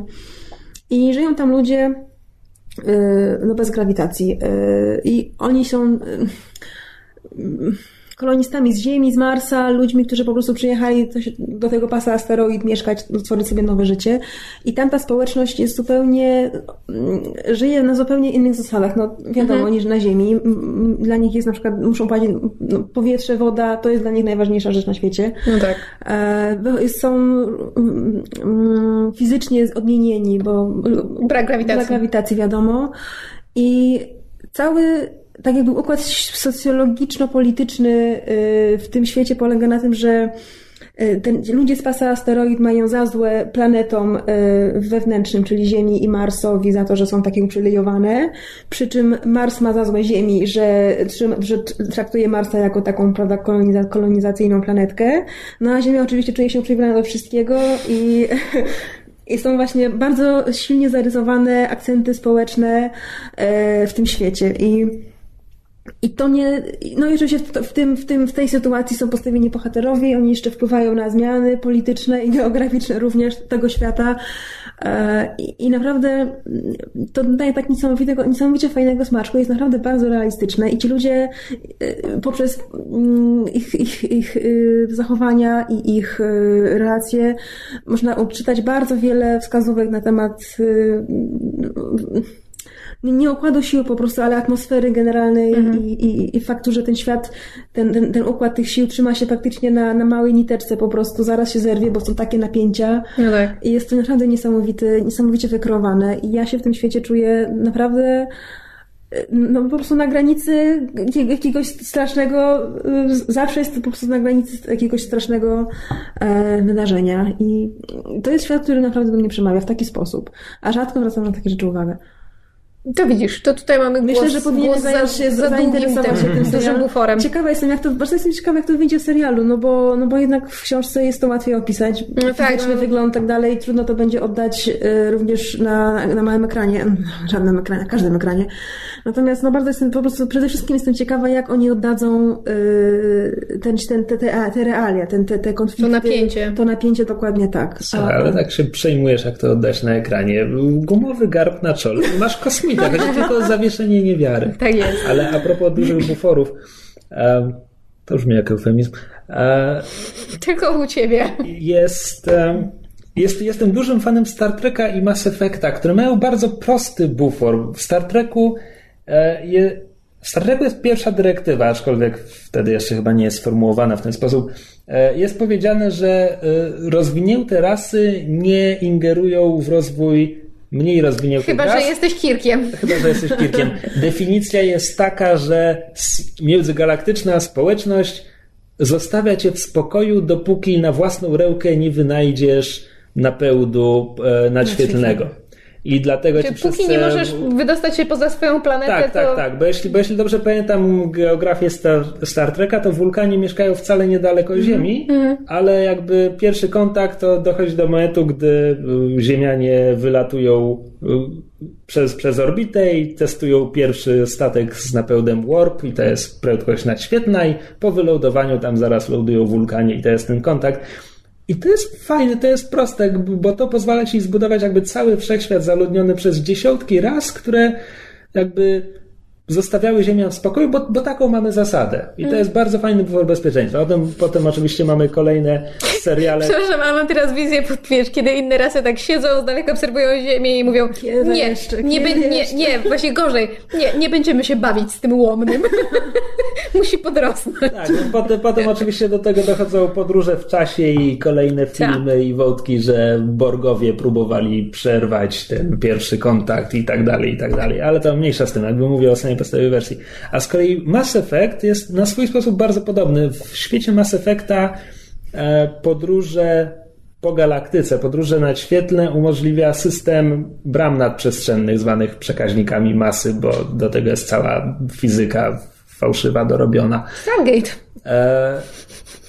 I te przekaźniki zostały pozostawione przez jakąś dawno wymarłą cywilizację, bo to jest, bo to jest najprostsze rozwiązanie, żeby, żeby nie wymyślać za wiele. No. Natomiast, a i, e, i ludzkość w systemie słonecznym jest jedna taka brama, tylko ona nie działa. I dlatego żadni kosmici nie trafiają do naszego układu słonecznego, dopóki tam na, nie wiem, 30 czy 50 lat przed rozpoczęciem akcji gier ludzie nie docierają na orbitę Plutona, bo okazuje się, że to, co my mamy za bliźniaczą księżyc planetę Charon, to tak naprawdę jest właśnie ten przekaźnik masy. I ten odnajdują go, uruchamiają go i dopiero wtedy wchodzą w kontakt. To jest jakby banalne wyjaśnienie, gdzie okej, mamy, mamy naszą Ziemię i wszystko, co się wydarzyło na naszej Ziemi, wydarzyło się w naszym świecie i żadnych kosmitów dotąd nie było, bo i to by proste wyjaśnienie. To słuchaj, to jesteśmy na progu Mass Effecta, bo przecież ostatnio NASA przeleciała obok Plutona No i Harona i i na to, że. Charon jednak jest y, księżycem. O Jezu, ale widziałeś te cudowne zdjęcia, gdzie, gdzie ktoś wziął em, zdjęcie właśnie em, Plutona i autentycznie w, w tych jakby zarysach mas lądowych, które tam są, znalazł psa Pluto. Ja się popłakałam, jak to zobaczyłam. Autentycznie można dojrzeć zarys psa Pluto. No tak, to jest tak, e, zna, znasz, może był taki, mm, mówię, był taki obrazek, ale to brzmi jakby przesyłano go w internecie, ja to widziałem w jakichś książkach dla dzieci, pokazujący jak różne e, kultury na Ziemi, jaki obrazek widziały na Księżycu, no bo przecież wszyscy ludzie na Ziemi widzą ten sam obrazek na Księżycu, bo widzimy cały czas jedną stronę Księżyca. E, I że tam dla niektórych te, te plamy i kratery na Księżycu to jest twarz kobiety, a dla innych to jest krab. Więc wierzę, że ktoś mógł znaleźć psa Pluto na Plutonie. No. Giant Cosmic Coincidence. Ja skończyłem epizod. Ty... Dobrze, to może, to, to może ja. Em, dobrze, bo tutaj nam się Aed wypowiedziała a propos ekspansji, a propos tego, prawda, bufora 200 lat, tutaj Krzysiek o, o Mass Effectie, gdzie jakby też jest ten, ten w miarę realny bufor. Natomiast ja tak na zakończenie od siebie chciałabym podać film, który dla mnie jest jakby i to nie jest tak, że ja bazując na tym filmie twierdzę, że wszystkie właśnie te mniej realistyczne prawda, wizje przyszłości, czy te właśnie z większym buforem, żeby urealnić to, co sobie autor wymyślił, no, są gorsze. Czego, czego ja nie powiem o Nie. buforach, wciąż lubię kowbojów z Firefly'a. Nie, tak? właśnie o to chodzi, że jakby to nie jest to, że ja poprzez wartościowanie tego filmu umniejszam wszystko inne, natomiast to jest, to jest wizja, która tak mocno do mnie przemówiła i w momencie, kiedy oglądałam film, była dla mnie tak realna, właśnie ze względu na, na bliskość, trochę tak jak um, Gataka, tak jak Czekaj, mówiliśmy. Czekaj, zgadnę. Kontakt z Jodie Foster. Nie, nie zgadniesz, dlatego że to nie jest film, znaczy Najdumniejszy film science to, fiction. to nie jest film powstał. science fiction, natomiast ma elementy. Um, mianowicie chodzi o film Her. Ona. Y, Czy to Ale jest... to jest tak blisko, że to jest prawie pójście na łatwiznę, Tylko wymienianie właśnie- tego w tym... Właśnie o to chodzi, że dla mnie to jest na tyle blisko, a z drugiej strony, znaczy inaczej, dlaczego mi się podoba em, to, to, co zrobili w tym filmie? Dlatego, że po pierwsze, ponieważ to nie jest film science fiction, tylko jakby odnosi się do relacji ludzi i, i, i jakby do, do życia, em, Owszem, są aspekty technologii, to znaczy jakby sam fakt, że, że główny bohater, prawda, wchodzi w interakcję ze swoim systemem operacyjnym i między nimi się tworzy relacja i, prawda, ona ma świadomość, która się rozwija Ale i czekaj, jakby ale- na tym się ale opiera film. No właśnie, ona ma świadomość, w sensie ona jest sztuczną inteligencją, Tak. czy jest programem typu Siri? Nie, one jest, to jest tak, że te systemy operacyjne są w pełni świadome i one, znaczy inaczej, one powstały po to, żeby. em, to jest sztuczna inteligencja, to jest e, świadomość, dlatego że one powstały w taki sposób, żeby mogły się uczyć. To znaczy, że im więcej czasu z nimi spędzasz, im dłużej one są jakby w, znaczy żyją, bo to nawet nie chodzi o włączenie. Im, od momentu włączenia im więcej czasu minie, tym więcej one wiedzę, prawda, kumulują, bo są podłączone do internetu, mogą czerpać z niego wiedzę, mogą myśleć, mogą, wiesz, tworzyć teorie, mogą, no po prostu typowe takie rozwiązanie AI pod tytułem, um, wiesz, coś ala, coś ala singularity mniej więcej na tej zasadzie. Znaczy mam wrażenie, że, że, że twórca bardzo, bardzo silnie jakby, znaczy miał w głowie koncepcję singularity. Natomiast ponieważ jest właśnie ten aspekt systemu operacyjnego, mamy jakby pokazane aspekty technologii i tego, jak technologia wpływa na życie w tym właśnie odsuniętym, o tam nie wiem, nie wiem ile tam jest, 15-20 lat max? Od, od, od, licząc od 2015 roku, bardzo, bardzo bliska, że tak powiem, przyszłość. Więc mamy na przykład pokazane właśnie, że jak wygląda komunikacja przez telefon, czy właśnie jak wygląda komunikacja z tymi systemami operacyjnymi, że to nie jest tak, że musisz siedzieć przy komputerze, tylko właśnie, prawda, masz tam jakiś tam, nie wiem, czy klips, czy słuchawkę i po prostu rozmawiasz z systemem mniej więcej tak jak z Siri, ale tak jak z drugim człowiekiem. I na przykład jest cudowna scena, kiedy mamy e, widok na wagon metra, gdzie główny bohater właśnie stoi w tym wagonie i rozmawia ze swoim systemem operacyjnym, z Samantą przez, przez swój system, ale widzimy, że dookoła niego ludzie robią dokładnie to samo ze swoimi systemami. Czy właśnie to nie jest taki odosobniony przypadek, to jest po prostu już zmiana ogólnospołeczna. Natomiast to, co mi się bardzo spodobało, to jest to, um, jakby jak te zmiany technologiczne też wpływają na um, zmiany relacji międzyludzkich, czyli właśnie jakby to, że bohater nawiązuje tak bliski kontakt z, z tym swoim systemem operacyjnym, ale jakby też zawód bohatera, dlatego że bohater pracuje w, um, firmie, która profesjonalnie zajmuje się pisaniem listy dla, e, listów dla innych osób, znaczy w imieniu innych osób. To znaczy na zasadzie, że jeżeli na przykład chcesz wysłać do swojej, nie wiem, babci długi list pod tytułem babciu, tak za tobą tęsknię, szkoda, że cię tu nie ma, prawda? No to, to taki właśnie długą, e, długą epistołę, tak jak to się onigdaj pisało, to właśnie w tych czasach odsuniętych o tamte 15-20 lat są firmy, do której możesz um, napisać, opowiedzieć o sobie, opowiedzieć o swojej babci, dać jakieś próbki pisma, zdjęcia, filmy i oni to tę całą wiedzę o tobie i twoim bliskim akumulują i potem jakby twoimi słowami piszą do tej osoby list. I to jest powszechne. To jest tak jak, e, nie wiem, sympatia.pl teraz, czy cokolwiek w, w, w tym guście. Jakby służy do, do łączenia ludzi. I to jest właśnie takie fantastyczne połączenie w tym filmie czegoś z przeszłości, czyli właśnie takiego pisania, pisania listów i tradycji pisania długich listów, czegoś bardzo intymnego i takiego emocjonalnego, z czymś szalenie bezosobowym i właśnie takim futurystycznym. Druga rzecz, która tam jest i która dla mnie jako osoby jakby reagującej bardzo silnie na, na bodźce wizualne, to jest taki aspekt futurystyczny, o którym byś nie, w pierwszej chwili nie pomyślał, no bo właśnie pierwsze skojarzenie jest sci-fi technologia. Um, mianowicie design. Dlatego, że Her ma bardzo specyficzny wygląd jest tego świata. I jakby nie chodzi o to, że prawda, są właśnie super wysokie wieżowce, czy jakieś cyborgi i tak dalej, tylko na przykład um, to, e, jaki design mają meble, albo jak się ludzie ubierają, w jakie, jaki krój mają stroje, z jakich są tkanin, jakie mają palety kolorystyczne, jak wygląda wystrój wnętrz. To są bardzo drobne detale, które są fantastycznie w tym filmie wykorzystane, bo znowu mamy e, pokazane i coś, do czego się już odnosiliśmy dzisiaj, mianowicie jakby nostalgię. Dlatego, że bardzo wiele z tego designu odwołuje się do takiego um, troszeczkę minimalizmu z lat 50., pod względem właśnie architektury i wystroju wnętrz i strojów. Więc mamy wyraźnie pokazane, że ta jakby ta nostalgia zawsze gdzieś się przewija, nawet właśnie w tych futurystycznych światach, nieważne jak daleko odsuniętych, mamy tendencję do, do czerpania z przeszłości, do, do, z rzeczy, które znamy albo które wydają nam się w jakiś sposób nasze jako społeczeństwo. Bo, bo na przykład nie trzeba było żyć w latach 50., żeby czuć jakąś więź z tym, prawda, na przykład stylem, prawda, designu, czy żeby na przykład ruszały cię, nie wiem, gotyckie kościoły. To nie jest rzecz, którą trzeba jakby znać, znaczy, której trzeba doświadczyć na własnej skórze, żeby ją czuć i żeby czuć z nią jakąś więź. I mam wrażenie, że właśnie dlatego między innymi ten film tak do mnie przemawia, że właśnie ponieważ odnosi się do przeszłości niezbyt dalekiej i odnosi się do przyszłości niezbyt dalekiej, że to się idealnie w tym momencie łączy. And that's all I have to say about that.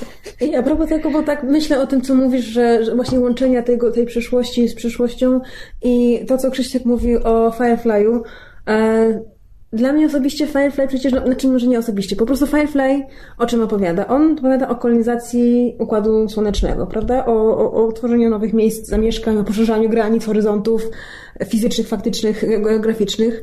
Czyli to jest powrócenie do całego tego amerykańskiego frontieru e, odkrywców, którzy kolonizowali nowe No, kino- kino etapy. no. I dlatego, dlatego I, do, kowboje... i, do tego, I do tego momentu jakby nadążam. Natomiast moment, kiedy, gdzie to się równa, że wszyscy ubierają się jak na dzikim zachodzie Ale- i posługują się e, No ale słuchaj, tym językiem. dostają, z- mała, e, bu, język bu, zbudowana jest nowa kolonia, spuszczają tylko tam ilość, tam ilość tam ludzi, zbudujcie sobie nowe domy, prawda, wszystko ustawcie. Oni tam muszą zos- zostać, żyć w warunkach na pewno nie tak pięknie sterylnych, prawda, jak e, stacje kosmiczne czy coś. Oni Nie, muszą bo- sobie radzić z podstawowymi narzędziami Znaczy, i wiadomo, że jest jakieś wi- cofnięcie wiem, się. Ja wiem, jakie to jest to wytłumaczenie, ale w dalszym ciągu od tego wytłumaczenia do western ze statkiem przelatującym nad stadem koni, tam musisz przyjąć na wiarę jednak parę rzeczy. No, dla mnie osobiście jest to bardzo, bardzo logiczne wyjaśnienie faktu, faktu nawet, że bohaterowie ubierają się tak, a nie inaczej, skoro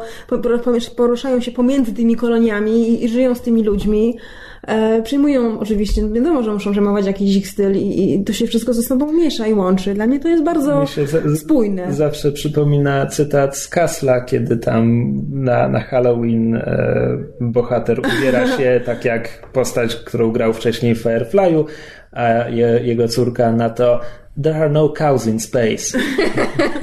tak. Natomiast e, Taki jest tytuł odcinka. to znaczy, nawet, nawet, jeśli, nawet jeśli przyjmiemy to wszystko, to świat Firefly'a w dalszym ciągu wykłada się na mnie na czymś innym. To znaczy, to jest świat, gdzie wszyscy posługują się mieszaniną angielskiego i bardzo złego chińskiego i nie ma tam żadnych Azjatów. No tak, ale z drugiej strony... To jest też świat, gdzie Chiny były tak mocne, że jakby one i Ameryka, czy ten anglojęzyczny świat zachodu uratowały jakąkolwiek ludzkość, wywiozły ją z ziemi, nie ma tam żadnych Chińczyków. Ale wiesz co, mam wrażenie, że język to w ogóle jest em, aspekt, gdzie, znaczy, wydawałoby się prosty aspekt, gdzie wiele właśnie futurystycznych dzieł się wykłada, to znaczy, zwłaszcza tych w, w, w dalszej przyszłości, bo na przykład jak sobie przypomnę Stargate, którego ja nie, znaczy oglądałam przez ramię mojej, mojej przyjaciółki, ale jakby znam serial na tyle dobrze, że, że wiem. Pierwszą rzeczą, która mi przyszła do głowy, jak oglądałam jej nad ramieniem ten serial i to po... Znaczy, po nieprzyzwoicie dużej ilości odcinków zaczęłam sobie sama zadawać pytanie dlaczego, co jest trochę przykre, ale Dlaczego bohaterowie podróżując przez Gwiezdne Wrota do fafnastu iluś planet, w iluś tysiącach galaktyk i w ogóle daleko, daleko poza kosmos, który jesteśmy sobie w stanie wyobrazić, dlaczego oni wszędzie, gdzie lądują, są w stanie się dogadać po angielsku? Jakby, tak jak mówiłeś, że, że wiesz, że ważne jest zawieszenie niewiary pod tytułem gumowe czoło i to już jest kosmita, to moje zawieszenie niewiary wysiada przy języku angielskim jako uniwersalnym języku całego kosmosu. A to, nie- a to nie jest tak, że angielski był językiem tych bogów, którzy, znaczy tych kosmitów, No którzy ciężko, byli bogami? żeby był tamten angielski. Znaczy w sensie, że nowoczesny angielski był językiem... Znaczy, prawda? nawet jeżeli język starożytnych tych, Ziemianie którzy... mogli go potem zapomnieć i Potem wynaleźć na nowo. Ale wi- nawet biorąc to pod uwagę, to jakby... Znaczy, ja uczestniczę, ucz, uczestniczę w dyskusji nie znając Stargate'a kompletnie. Ale nie, Nawet nie, no filmu nie, Ale lingwista, lingwista w tobie powinien cierpieć na samą myśl, dlatego że nawet jeżeli ci pradawni posługiwali się, nazwijmy to umownie, językiem angielskim i jeżeli ich język jako tych bogów, którzy wpłynęli na cały kosmos, rozprzestrzenił się po tym kosmosie, biorąc pod uwagę, ile lat minęło od tego czasu, kiedy oni stworzyli Setek, czy nawet tysięcy, milionów lat, ten język w tych wszystkich 15 miliardach Dalej brzmi miejsc, tak tak, musiałby się rozwinąć inaczej. On nie przeszedłby wszędzie tej samej drogi. Oni nie mają prawa się dogadać. Nie ma, nie ma tam gdzieś w jednym odcinku jednego zdania, w którym Że mają magiczny translator? Właśnie- to, to jest Ale właśnie- Nie, właśnie, ogólnie właśnie przyjęte rozwiązanie słuchaj, w nie, sci-fi. bo specjalnie się e, Ani, czyli właśnie mojej, mojej koleżanki się zapytałam e, pod tytułem, słuchaj, czy to jest tak, że oni mają właśnie, nie wiem, nikt nie powiedział, nikt, znaczy nie mówi się tego głośno, bo nie wiem, było to w pilocie i to jest o, tak oczywiste, że że nie muszą tego powtarzać co parę odcinków dla osób, które dopiero od tego momentu się włączyły w serial. Ale czy gdzieś jest powiedziane, że oni mają jakąś słuchawkę w uchu, jakiś, nie wiem, magiczny, mechaniczny translator, bo skoro się nauczyli tłumaczyć te znaki wokół Gwiezdnych Wrót, które im po, pozwalają, zależnie od ustawienia, przenosić się na inne planety, czy oni w takim razie właśnie stworzyli jakiś, prawda, decoder ring, który im pomaga się porozmawiać? Nie, angielski jest językiem kosmosu. Nie no, spoko. Znaczy, zacząłem się zastanawiać, czy w Mass Effectie jest gdziekolwiek wyjaśnione, czemu wszyscy kosmici mówią po angielsku. A, widzisz. W Star Treku mają uniwersalne translatory. To wiem na pewno, bo w Enterprise było jeszcze na pokładzie specjalna kobieta, oficer niska stopniem, która ogarniała kilkadziesiąt języków, bo była po prostu geniuszem na ten Hoshi się nazywała, nie pamiętam stopnia. Bo, bo serial Ale było, Star Trek było Enterprise jest prequelem do tak, poprzednich, okej, okej. znaczy na, jest prequelem do poprzednich seriali, których akcja toczy się później. Ale przecież chyba nawet w tych filmach, w remake'ach jest jakaś scena, kiedy oni się pytają, em, czy U- Uhura zrozumiała coś z tego, co było mówione na, na, na prawda. falach, bo, bo, bo oni mówili tam, nie wiem, nie w klingońskim, czy w jakimś Nie, to tam... był wulkański, to był jakiś konkretny... Coś Nie, nie, nie, nie, bo konkretnie jest nie, powiedziane, że. Uchu- Uhura Romański, mówi... W akcentach. Nie, Uhura mówi po klingońsku, bo tam chodzi w pierwszym Star Treku jest przechwycony komunikat. Romulański. Nie, w pierwszym tak, Star Treku klingoński. była wycięta scena z Klingonami, więc w pierwszym Star Treku nie ma Klingonów, ale ten dialog wciąż się odnosi mniej więcej do niej i o tym, No że właśnie, jacyś tak Klingoni się. rozmawiali o Neronie. Mhm. E, natomiast ta, to ciekawe, bo wydawało mi się, że w oryginalnym to się już mieli te uniwersalne tłumacze. A może to było w Next Generation. Wiesz, może chcieli po prostu dać Uhurze coś fajnego do zrobienia, biorąc pod uwagę, że ona tam ma niewielką rolę. Ale właśnie to, to jest akurat coś, co mnie, no może plus uniwersalny tłumacz i tak dalej, coś, co mnie, co, co ja, przy czym ja się wykładam na Star Treku, bo ja na przykład ciężko jest mi przejść, znaczy to, to jest coś, co trzeba zaakceptować, ale mnie, mnie, mam z tym problem. Transportery, e, które, prawda, jednym e, związkom energii przenoszą cię na inną, zupełnie, tak, w zupełnie inne miejsce. E, te, nie wiem, jak się to nazywa, ale te, mm, te co jedzenie i wszystkie inne produkty spożywcze potrafią ci... Replikatory? Replikatory, dokładnie. Albo wszystko inne mogą ci po prostu Herbata, kawę ci podać. A propos, a propos jedzenia i futurystycznych tych, mój ulubiony myk pod tym względem nadal pozostaje w piątym, piątym elemencie. Gdzie ona wkłada pigułkę do tej maszyny, chyba tam... ona jest- Mikrofalówki. Właśnie, znaczy, wygląda jak mikrofalówka, ale oni cię naz- nazywają jakoś, nie wiem, maszyna nawadniająca, bo chodzi o to, że to, to jedzenie jest jofilizowane i że ono się po prostu tam... Ale po prostu, wiesz, wkłada pigułkę i wyjmuje pieczonego indyka. To jest tak fajne! I druga rzecz, która jest w tym filmie fenomenalna i którą ja bym chciała, żeby, żebyśmy mieli teraz i to jest po prostu to, do, czego ja dążę. Ludzie marzą o latających deskorolkach. Ja marzę, ja marzę o maszynce do manikuru i makijażu oczu z piątego elementu. I jeżeli słuchają tego jakieś dziewczyny i wiedzą, o czym ja mówię, to totalnie się ze mną zgadzają, bo because I was awesome.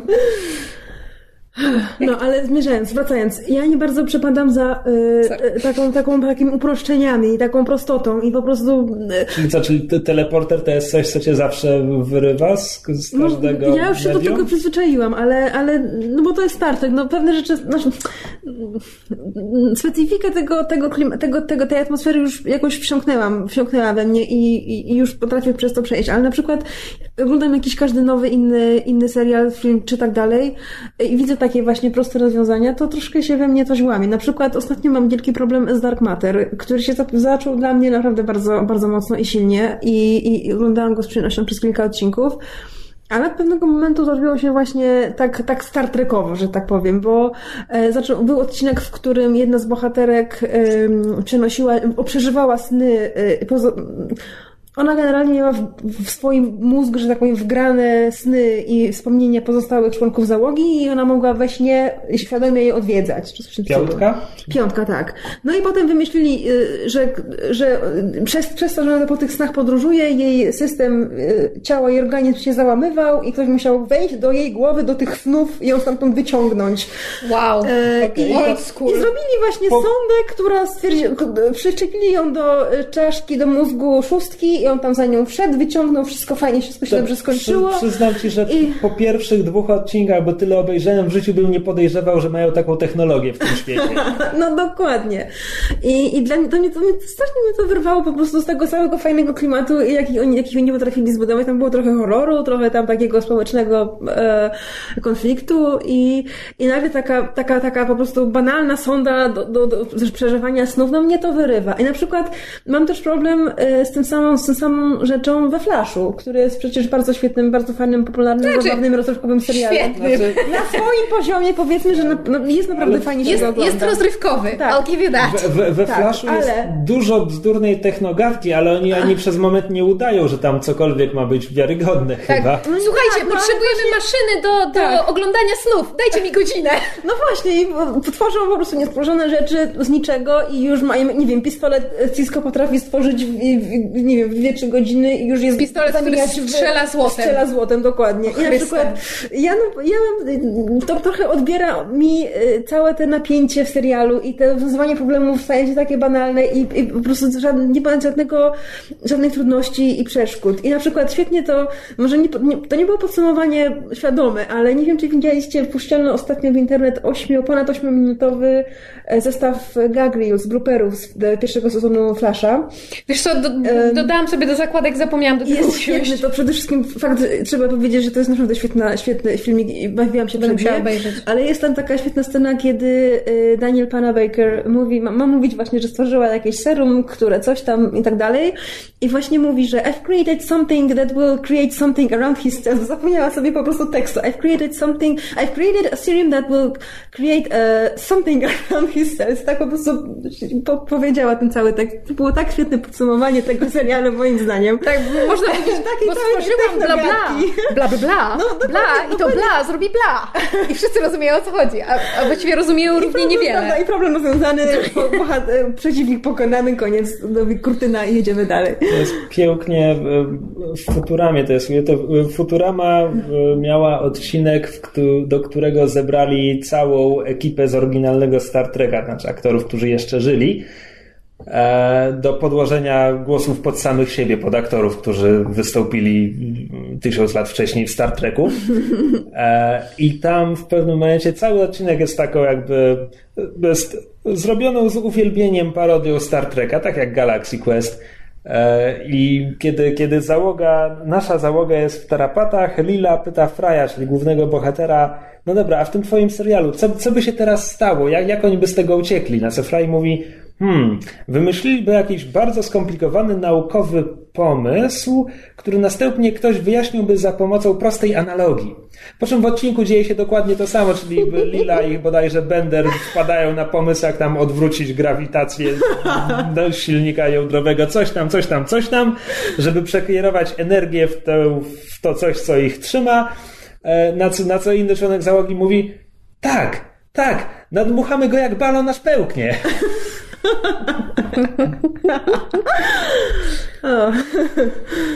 No. I w ten sposób przeszliśmy przez e, za, zatrważający wachlarz przykładów z popkultury e, e, a propos przyszłości bliższej i dalszej. Tak, nie jestem pewien, na jaki temat w zasadzie prowadziliśmy tę dyskusję, Ale szło nam i fenomenalnie. tak się dobrze bawiłem. Ja się fantastycznie bawiłam i słuchajcie, Pozostaje mieć nadzieję, że słuchacze też. tak, nie wiemy jakie wnioski należy wyciągnąć z tutaj naszej dyskusji. My chyba żadnych nie wyciągnęliśmy, oprócz tego, że jest to temat długi, szeroki i bardzo fajnie się o nim rozmawia. I w związku z tym czekamy na jakieś komentarze od Was, może jakie mm, futurystyczne dzieła popkultury Wam się najbardziej podobały, albo co do Was najbardziej przemawia. Czy może zapomnieliśmy o jakichś super ważnych przykładach, a może z czymś się nie zgadzacie, żeśmy powiedzieli jakąś straszną bzdurę. E, Czekamy na odzew od Was. Możecie do nas pisać na naszym fanpage'u na Facebooku, możecie do nas pisać na stronie myszmasz.pl, możecie do nas pisać na naszego maila myszmaszpodcast.gmail.com E, Ewentualnie możecie nas jeszcze ścigać osobiście na Facebooku, chociaż tego chyba nie lubimy. Oczywiście, a z tekstami EF można się zapoznać na wiedźmanaorbicie.pl, prawda? .pl, y, przy czym y, tak z tekstami się można zapoznać, przy czym muszę najpierw skończyć grać w MMO, możemy zacząć cokolwiek znowu pisać. No masz archiwum. Bogate archiwum czeka. E, A na sam koniec ja jeszcze wspomnę krótko i cichutko, że o ile wiem, to teraz po awangardzie na, e, w sklepie internetowym wydawnictwa Wanderbook powinien być już drugi tom antologii Wolfsung z moim opowiadaniem. Ale nie jestem tego pewien na 100%, bo się dziwne rzeczy dzieją w tym momencie. Tak, więc możecie iść na stronę i sprawdzić, czy rzeczywiście jest tak, jak Krzysiek mówi. Jeżeli tak jest, przewidział przyszłość. I tym optymistycznym, futurystycznym akcentem dziękujemy Wam za uwagę. Dziękujemy AF, że, że do nas dołączyła. Dzięki wielkie za zaproszenie. Tak jest. Dziękujemy Kamilowi za to, że go nie było, bo z nim prawdopodobnie ta dyskusja trwałaby jeszcze dłużej, gdyby był czwartek w dyskusji. I tak mam wrażenie, że jest tego dwie godziny. sugerujesz. I don't know, że gdzie kucharek 6, tam jest za długi podcast. I tak, wysz, i tak wyszedł nam bardzo długi. E, I do usłyszenia, miejmy nadzieję, w przyszłym tygodniu. Bye! Cześć. Bye! Słuchaliście podcastu Myszmasz. Możecie nas znaleźć na myszmasz.pl lub polubić nasz fanpage na Facebooku. Możecie nam także wysłać maila na myszmaszpodcast.gmail.com Jeśli do nas napiszecie, będziemy szczęśliwi jak korgi zbiegające ze schodów.